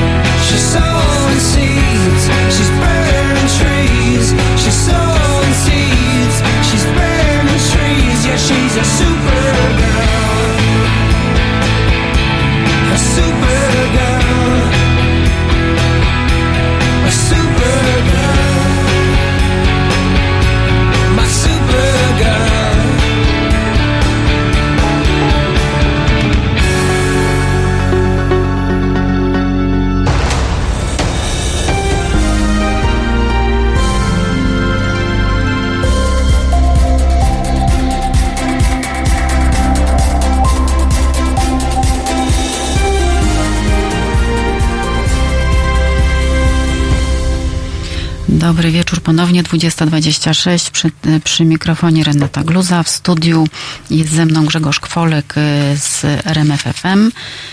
A na łączach, mam nadzieję, jest już Andrzej Andrysiak, redaktor naczelny Gazety Radomszczańskiej. Andrzeju, jesteś tam? Witam bardzo serdecznie. Dobry wieczór. Mamy tutaj ożywioną dyskusję. Słuchacze też bardzo komentują. Bardzo Państwu dziękuję. Widzę, że temat Was interesuje. Nas tym bardziej, bo niestety nas dotyczy. Mm, no nie jest tak, że media wystarczy przekupić i nie trzeba ich polonizować. Mam nadzieję, że jeszcze nie. Aczkolwiek to, co ostatnio się dowiadujemy, to rzeczywiście troszkę tę nadzieję e, podważa. Andrzeju, czy widziałeś dzisiejsze ogłoszenie w Gazecie Wyborczej? Na całą stronę takie ciekawe ogłoszenie. Autoreklamę dali. Tak, że oni piszą dla czytelników, a nie piszą dla ministra. Ministra, tak. Duże ogłoszenie czerwonymi literami. My piszemy dla czytelników, a nie dla ministra. No i co sobie pomyślałeś? Nawiązuje oczywiście do tematu wirtualnej Polski, o której tutaj już mówiliśmy w poprzednim wejściu. Ja tą sprawę, którą e, opisało Kopres, e, jednak patrzę na nią dużo szerzej, ponieważ to jest tak, że my się teraz skupiamy na wirtualnej Polsce i na Tomaszu Machale, ale z doświadczeń, z obserwacji, które mam, pracowałem przez 20 lat w mediach warszawskich. Niestety jest tak, że takie zblatowanie i relacje między redakcjami a biznesem przede wszystkim, bo to jest to najszersze zjawisko, a to, o którym mówimy teraz, czyli o o powiązaniu czy tam współpracy z ministerstwem, to jest tylko odprysk ten, mhm. ten standard złamany takiej współpracy redakcji i biznesu, niestety on ma już swoją historię i w wielu redakcjach warszawskich, no dziennikarze przecież y, wiedzą, gdzie pracują i jak to wygląda z bliska. Dlatego wiem, że po tym tekście y, w wielu redakcjach zaczęło się sprawdzania, dyskusje, czy u nich gdzieś granice takie nie zostały przekroczone. Bo to jest jednak coś więcej niż tylko zblatowanie z biznesem. Tu w grę już wchodzi ministerstwo i to Ministerstwo Sprawiedliwości. Plus tak, żona pana ministra. Tak, to jest prawda, ale ja genezy jednak tego zjawiska bym szukał głęboko, gdzieś koło 2006-2007 roku. Nie wiem, czy Państwo pamiętają, wtedy uruchamiały się takie dwa olbrzymie projekty w Warszawie, czyli Polska y, The Times i y, Dziennik, Dziennik. Niebieski. Mm -hmm. I wtedy w branży y, dziennikarze mówią o tych czasach Bizancjum. Było mnóstwo było mnóstwo pieniędzy, było mnóstwo pracy na rynku. Po bardzo krótkim czasie okazało się, że te projekty nie działają i wtedy zaczęła się taka bardzo no, na śmierć i życie walka e, na rynku o ogłoszenia i wtedy te granice zostały przekroczone. Z tego co ja pamiętam, tak to wyglądało. E, I na tym się zaczęło od takich współprac, y, jakichś umów na przykład z dużymi bankami, potem y, niech Państwo zwrócą uwagę, jak opisywane są w mediach ogólnopolskich na przykład koncerny energetyczne albo paliwowe. Ta współpraca się zawiązała i to, co się teraz dzieje, w, to, co teraz opisało Kopres, jeśli chodzi o wirtualną Polskę, to jest konsekwencja. Ja, ja, ja tak na to patrzę. To jest konsekwencja tego, co się dzieje w środowisku y, medialnym od jakiegoś czasu. Ale myślisz, że naprawdę chodzi głównie o pieniądze? W przypadku, Myślę, w przypadku tak. Ministerstwa Sprawiedliwości chodzi głównie o pieniądze, czyli spółki, nie. które. No, nie, bo tu. tu no. Ministerstwu Sprawiedliwości chodzi, chodzi o coś innego, bo chodzi o wpływ, ale wydawnictwu chodzi o pieniądze. I ponieważ te dwa punkty się stykają, y, no to dochodzi do takiej sytuacji. Kiedyś, mm, kiedyś była taka teoria, znaczy nie, to był standard, przepraszam, takiego muru chińskiego, który budowano między redakcją w wydawnictwie, a, y, a działami marketingowymi, ogłoszeniowymi i całą resztą. No bo tak naprawdę redakcja się zajmuje poszukiwaniem prawdy. Ja wiem, że to brzmi górnolotnie, ale od tego są dziennikarze, a wpływy w wydawnictwach, poza tymi wpływami sprzedażowymi, tak naprawdę pochodzą z reklamy. Tam prawdy przecież nie ma. No i ten mur legł, on został przewrócony i dlatego doszło do tego punktu stycznego między wirtualną Polską a Ministerstwem Sprawiedliwości. Po prostu to są różne interesy, ale które mają jeden punkt styczny. Aha, czyli dlatego, czyli dlatego Maha tłumaczył, że on y, musi pamiętać o tych, którzy o wypłaca o pensjach właśnie tych 25 ludzi. Mhm. Dokładnie, tak, tak mi się wydaje, że to jest y, podstawowa argumentacja. No przecież Tomasz Machała nie jest, no wszyscy wiemy, Tomasz Machała nie jest takiej bardzo prawicowej bajki, tak? On ma swoją historię dziennikarską zupełnie inną. No właśnie, ale dlatego to jest dziwi. zarządzającym menedżerem. I co? I można poświęcić zasady w imię tego? Ja nie mówię, że można, tylko mówimy teraz o tym, co się dzieje na rynku, zwłaszcza mediów ogólnopolskich. Niestety te granice zostały przekroczone. Dawno temu, ja tak uważam. Znaczy, wiem z obserwacji. No, słynna historia słynna historia, która też jest y, znana w branży o jednym z redaktorów y, y, gospodarczych, który próbował w ramach transakcji sprzedać czołówkę gazety. No takie rzeczy się działy. To nie jest, to nie jest rzecz, która się działa pół roku temu, tylko to, to są rzeczy, które się działy kilka lat temu. Czyli rozumiem, że redaktorzy, szczególnie naczelni szefowie, wiedzą o tym, tak? Znaczy, twoim zdaniem każdy ma coś za uszami? Znaczy, każdy, kto pracuje, kto zarządza mediami, wie, jakie są naciski ze strony zarządów, ze strony działów ogłoszeń na redaktorów. Redaktorzy są od tego, żeby bronić redakcji, ale w wielu redakcjach to się już od dawna nie udaje. Jak porozmawiamy z dziennikarzami, ja dlatego zwracam uwagę na to, że Tomasz Machała nie może być taką czarną, nie może być postrzegany jako ta, taka czarna owca, bo ja mam przekonanie, że jeśli chodzi o zarządzających, to jeżeli on jest czarną owcą, to pozostałe stado jest co najmniej szare. Mm-hmm. Tak to wygląda w tej chwili w, rzeczy, w praktyce. Y, redaktorzy, redaktorzy współpracują z działami y, ogłoszeń i są przez nie bardzo, bardzo naciskani i przekraczają granice. To, to kto, kto, kto wie, kto pracuje w kto pracował w mediach warszawskich zwłaszcza, wie, że takie przypadki są na porządku dziennym. Mm, tak, pracujemy, wiemy, obserwujemy. Y, muszę się rzeczywiście z Tobą zgodzić. Natomiast y, Natomiast jednak y, jest różnica pomiędzy tym, co opowiadasz, być może do czego się już przyzwyczailiśmy, a tym, w jaki sposób, jeżeli, tak jak mówię, to jest prawda, co napisało Okopres, bo tutaj jest Grzegorzem cały czas mamy nadzieję, że nie. A powiedz, ty masz nadzieję, że tak, czy nadzieję, że nie? Bo... Ja mam cały czas nadzieję, ja że nie. nie. Mam, ja nie mam nadziei. Ja nie mam nadziei. Ja po prostu jestem przekonany, że to jest prawda. Natomiast zgodzę się z tym głosem, który jest bardzo trafny, że, że, jest, jest taki kryzys mediów e, w Polsce, związany też ze słabością ekonomiczną e, tych mediów, które. Słuchajcie, a nie wszystko można biznesem. tłumaczyć kryzysem. Normalne, ale... Nie wszystko można tłumaczyć kryzysem. Ale, ale to widzicie zwróćcie uwagę y, na jedną rzecz, bo y, ja na przykład się nie zgadzam z tym, że jest kryzys dziennikarstwa jako takiego, bo dziennikarstwo ma się bardzo dobrze. W tej chwili jest tak, że gdyby nie dziennikarstwo, byśmy nie wiedzieli, w jakim kraju żyjemy. I sama praca dziennikarska, efekty pracy są bardzo dobre, ale kryzys jest na poziomie zarządczym mediów. Zwróćmy uwagę, kto pracuje, kto znajduje się w większości y, mediów ogólnopolskich zarządach księgowi, ludzie z, nie wiem, z jakichś olbrzymich firm. My to e, nazywamy bankowych. ludzie od Excela. Dokładnie. Oni nie mają oni, znaczy oni są, odpo, odpowiadają za słupki. Te słupki się zwykle zgadzają, ale oni nie mają perspektywy dziennikarskiej i nie wiedzą, że tak naprawdę wydawnictwo, te słupki to jest coś innego niż to, co robi redakcja, bo redakcja to szuka prawdy, a oni szukają pieniędzy. No, no tak, działa, tak, tak działa firma i ona powinna tak działać z tym, że jakby był chiński mur, który był kiedyś między redakcją a ogłoszeniami, no to byłyby zachowane standardy, a tak nie są zachowane. Tylko ja mam wrażenie, że to jest, to jest taka trochę dyskusja akademicka, że tak zawsze było, no bo jednak media zaczęły jako biznes. Te najstarsze media to były biuletyny ogłoszeniowe, które potem zaczęły dostarczać informacji. Tylko na, niestety nastał pewien moment kilkanaście lat temu, kiedy ta ściana, która przez lata została wytworzona między informacją a tym, co jest płatne, no niestety zaczęła się rozpuszczać, zanikać. tak? Zanikać, mhm. tak? I tutaj jest problem, tak? Bo, bo mówienie o tym, no bo nie da się robić mediów za darmo. Trzeba zarabiać pieniądze. Informacja poza mediami publicznymi, które są w różnych modelach finansowane, jest biznesem. Tak, i ci, którzy prowadzą y, gazety, sam Andrzeju wiesz, bo masz gazetę, musisz na niej zarobić, prawda? To nie jest, y, to nie jest y, działalność misyjna. Ale powiedz mi, bo chciałam zejść poniżej zarządów. Mhm. Potrafiłbyś wytłumaczyć tych dziennikarzy, którzy mm, dzwonili do, do Patti Cotti, do innych pracowników Ziobry i czytali im te teksty, czy ładnie napisali, czy nie? Jak sobie o nich myślisz? Znaczy, ja bym chciał, znaczy, chciałbym wiedzieć, co to są za dziennikarze. To, czy to są dziennikarze doświadczeni, czy to są młodzi starzyści, którzy y, tłuką po 50 tekstów dziennie, y, nie wiem, ledwo skończyli studia i są na umowach śmieciowych, bo to ma znaczenie.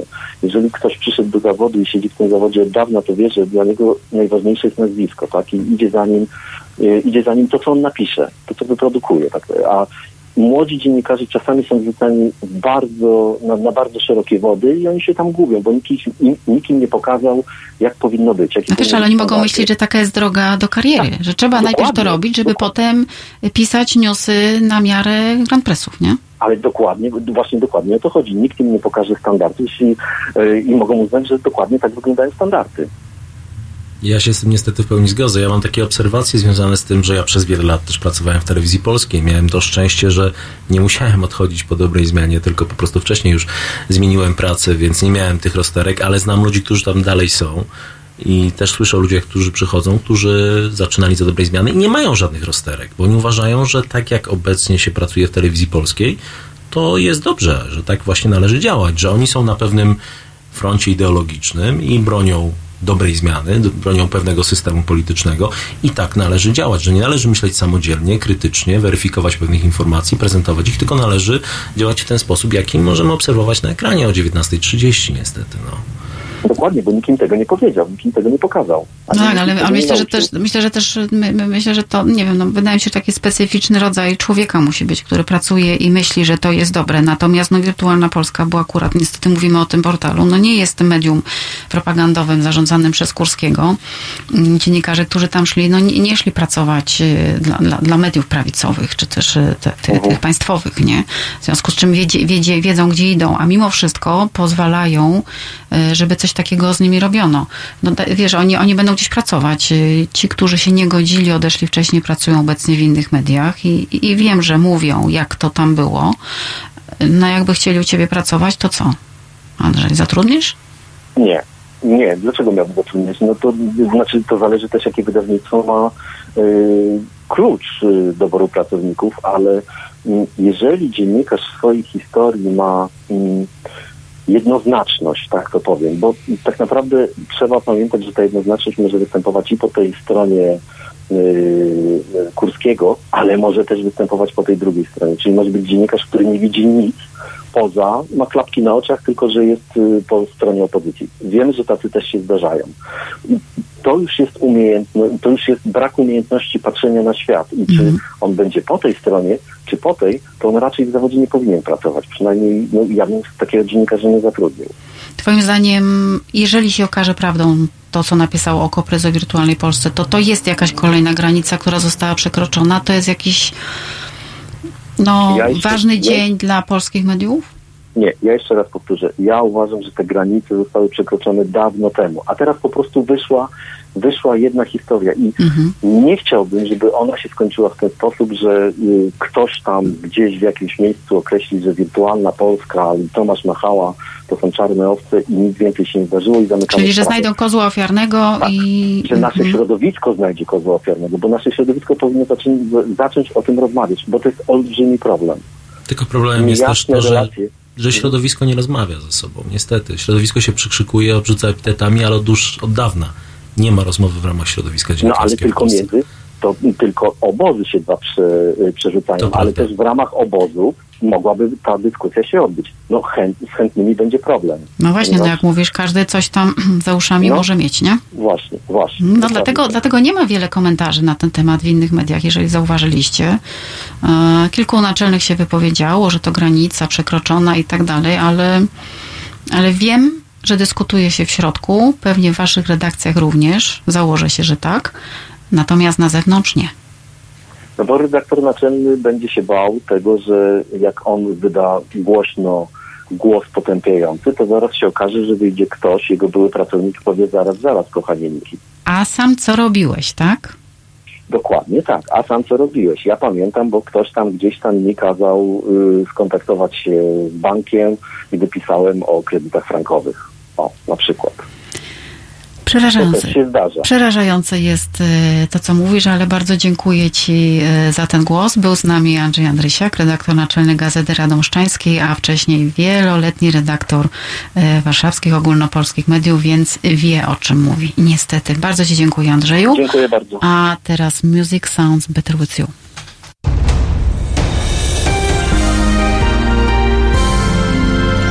Dziś Od 21 do 23 telefony od Państwa odbiera Wojtek Krzyżaniak. Rozmowa, dialog, zrozumienie i żadnej agresji. 21-23. www.halo.radio. Słuchaj na żywo, a potem z podcastów.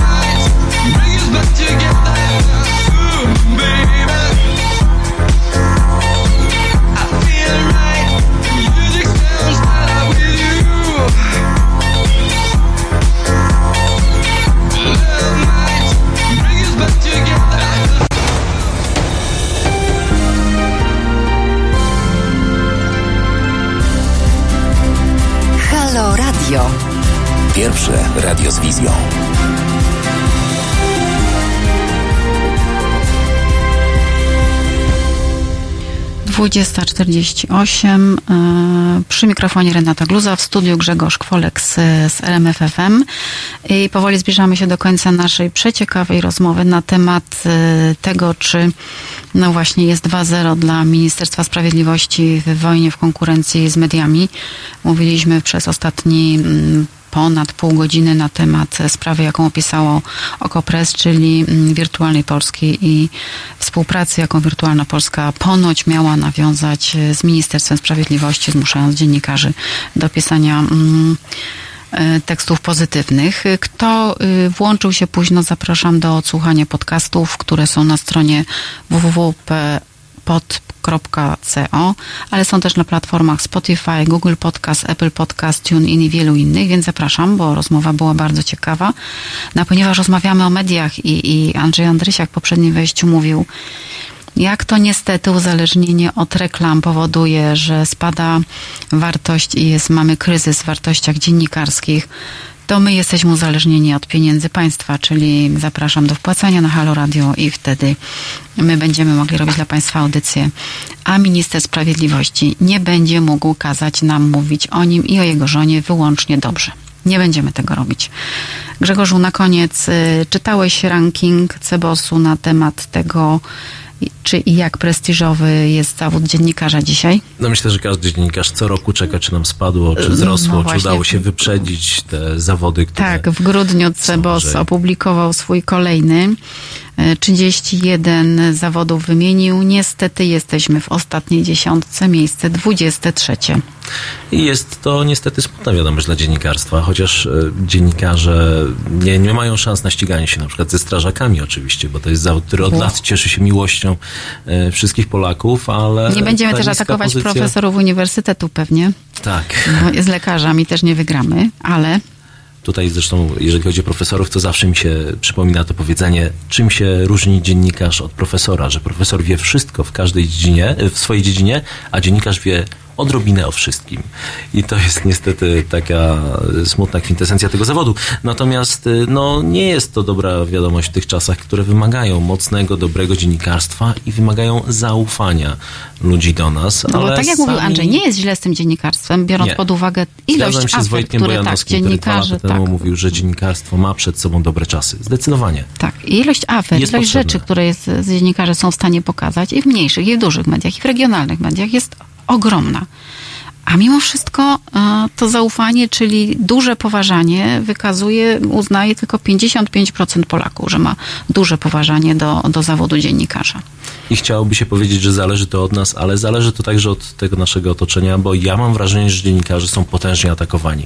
Nienawidzę słowa fake news i uważam, że jest to jeden z elementów walki z dziennikarzami. Tak, bo, bo to jest przypisywanie, że my tworzymy fake newsy. Inna dyskusja, ale to prawda. Narobiło nam to e, trochę źle. E, My jesteśmy na 23 miejscu. Za nami jest ksiądz, minister i poseł na Sejm. To ciekawe. A najniżej, to mnie zawsze zadziwia, działacze polityczni i maklerzy giełdowi. Tak, to Właśnie prawda. nie lubimy maklerów giełdowych na równi prawie z działaczami politycznymi. E, Że co, że jedni i drudzy tak Gonią za pieniądze. Gonią tak. za pieniądze. Każdy w swojej działce. No dobrze, wróćmy do, do, do, do dziennikarzy. W 95 roku, gdy był pierwszy robiony ten ranking, 60% Polaków mm, uważało mm, zawód dziennikarza za mocno poważany. Potem zjechało i to jest ciekawe, że pod koniec lat 90. było gorzej, a teraz y, 55%. Czym y, sądzisz, jesteśmy w stanie sobie w ogóle y, na coś więcej zasłużyć? Bo jak widzę, to Polacy doceniają takie zawody jak strażak, pielęgniarka, ale nawet y, pracownik sprzątający czy sprzedawca w sklepie, czyli osoby, które po prostu pracują i coś z tego jest. Ja myślę, że najważniejsze w tym zawodzie zawsze jest i będzie objaśnianie rzeczywistości. Mówienie o tym, co się dzieje, jak się dzieje, dlaczego się dzieje, to jest najtrudniejsze de facto. I jeżeli będziemy robić to dobrze, to jest szansa na odbudowanie tego poważy- poważania społecznego, tego Znaczy, tak, żebyśmy chociaż do drugiej dziesiątki awa- awansowali. Żebyśmy prawda? chociaż zbliżyli się do tych 60% z lat Z 90. lat 90. To byłoby dobrze. Mhm, mhm. E, Sądzisz, że, bo mamy teraz no właśnie dyskusję wywołaną tym, co się dzieje w wirtualnej Polsce, z, z, z sprawa Ziobry i tak dalej. Myślę, że to Długo to alarmowy będzie jeszcze trwało, tak? Czy, czy jakaś zmiana, taki, taki switch nastąpi twoim zdaniem, czy, czy nie? Nie spodziewałbym się zmiany, bo to są tendencje, tak jak mówił Andrzej, trwające od lat, więc tutaj i pewnych rzeczy związanych z tym, jak funkcjonuje branża, nie przeskoczymy, ale jest to dzwonek alarmowy, który w tyle głowy każdego dziennikarza, każdego szefa być może powinien e, zabrzmieć i w połączeniu z tym sondażem Cebosu jest to jakiś sygnał do tego, żeby może zwiększyć pewną transparentność właśnie jeżeli chodzi o strukturę finansowania mediów, bo to jest podstawa, tak? Popatrzmy na przykład, jak funkcjonują e, trzeci sektor, jak funkcjonują NGOsy. Jednym z elementów podstawowych jest pokazywanie, kto finansuje NGOsy. Wydaje mi się, że w przypadku mediów to by nie zaszkodziło, a tylko pomogło, jeżeli chodzi o zaufanie odbiorców e, do mediów właśnie. Zresztą jak olbrzymie było zaufanie na przykład do tego, co zrobił Tomasz Sekielski. Właśnie dlatego, że on był finansowany przez ludzi. I No bo oni, pomogło. ludzie mu zaufali, Tak, nie? Więc ludzie mu ludzie zaufali, on sam y, za, zaryzykował swoim imieniem, swoim nazwiskiem i dlatego ten projekt taką, taki olbrzymi odzew y, miał i w dalszym ciągu ma, bo przecież powstają kolejne części. My dziękujemy Państwu, że Państwo nam zaufali, że Halo Radio mogło powstać yy, i że wpłacają Państwo na Fundację Obywatelską. Natomiast yy, rzeczywiście te alarmowe dzwonki wszystkim nam się zapalają. I w mediach yy, obywatelskich, i w mediach yy, prywatnych. Niestety nie w mediach państwowych jeszcze, ale co? Miejmy nadzieję, że, że będą. Że ta zmiana nadejdzie. E, że kiedyś będzie dobra zmiana. Grzegorz, bardzo Ci dziękuję. Dziękuję Był bardzo. z nami Grzegorz Kwolek z RMF FM. W, w międzyczasie łączyliśmy się z Andrzejem Andrysiakiem z Gazety Radomszczańskiej. Bardzo Państwu dziękuję za audycję. Y, Zachęcam do odsłuchiwania podcastów, do słuchania Halo Radio i do wspierania nas. Dobranoc Państwu. Dobranoc. Halo Radio. Cześć, nazywam się Janusz Panasewicz, wspieram Medium Obywatelskie. Fundacja Obywatelska zbiera kasę po prostu na to medium. Chcemy być wolni od polityki, od y, słupków oglądalności, od cenzury, od walki o y, jakieś tam polityczne wybory przed każdymi wyborami, obiecanki, cacanki, te wszystkie rzeczy, które nas po prostu złoszczą. Rozmawiajmy o nas, o naszych sprawach, o ważnych sprawach. Ja co miesiąc wspieram to i będę wspierał finansowo media, które są niezależne. I Kuba Wątły, który to gwarantuje, obserwuję go od lat, jest oczywiście bardzo bezpośredni. Czasami doprowadza ludzi do szału, jest bezkompromisowy, ale jest on sam w sobie jedyny, niepowtarzalny i po prostu ja mu ufam i zachęcam was do tego. Wspierajcie medium obywatelskie. Jestem z wami. www.halo.radio ukośnik SOS.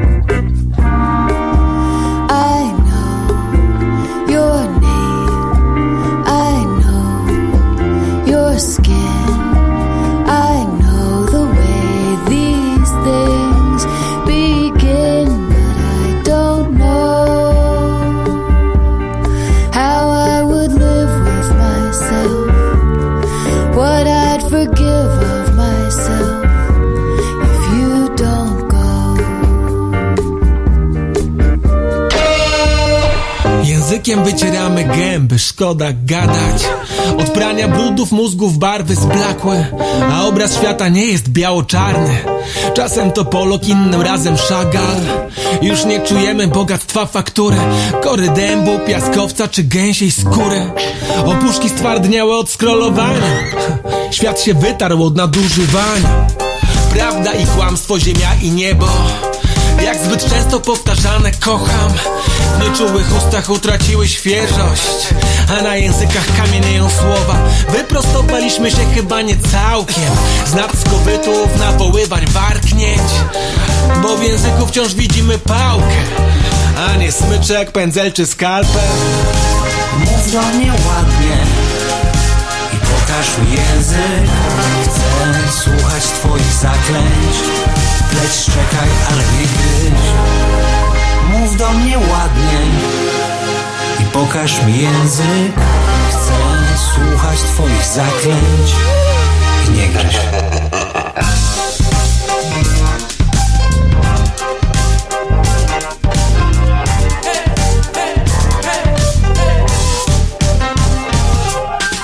Język jest impresją, co więdnie pod presją. Gdy masz opowiedzieć się po jednej ze stron Chciałbym opowiedzieć siebie bezstronnie Czy mnie przyjmiesz bez uprzedzeń? Nie sądzę. I co z tą naszą cechą dość słynną? Słowo, co za siebie mówi gość, inność. Widzimy świat przez język, popatrz. Ślepniemy, gdy nasze słowniki chudną w oczach Słowo to niewinne wspólne dobro A bywa podkładaną świnią bombą. Gdy polskość niezgody więźnie w gardle Ja bardzo przepraszam, pozwól, że odkaszlnę Mów do mnie ładnie i pokaż mi język. Chcę słuchać twoich zaklęć. Pleć czekaj, ale nie gryź. Mów do mnie ładnie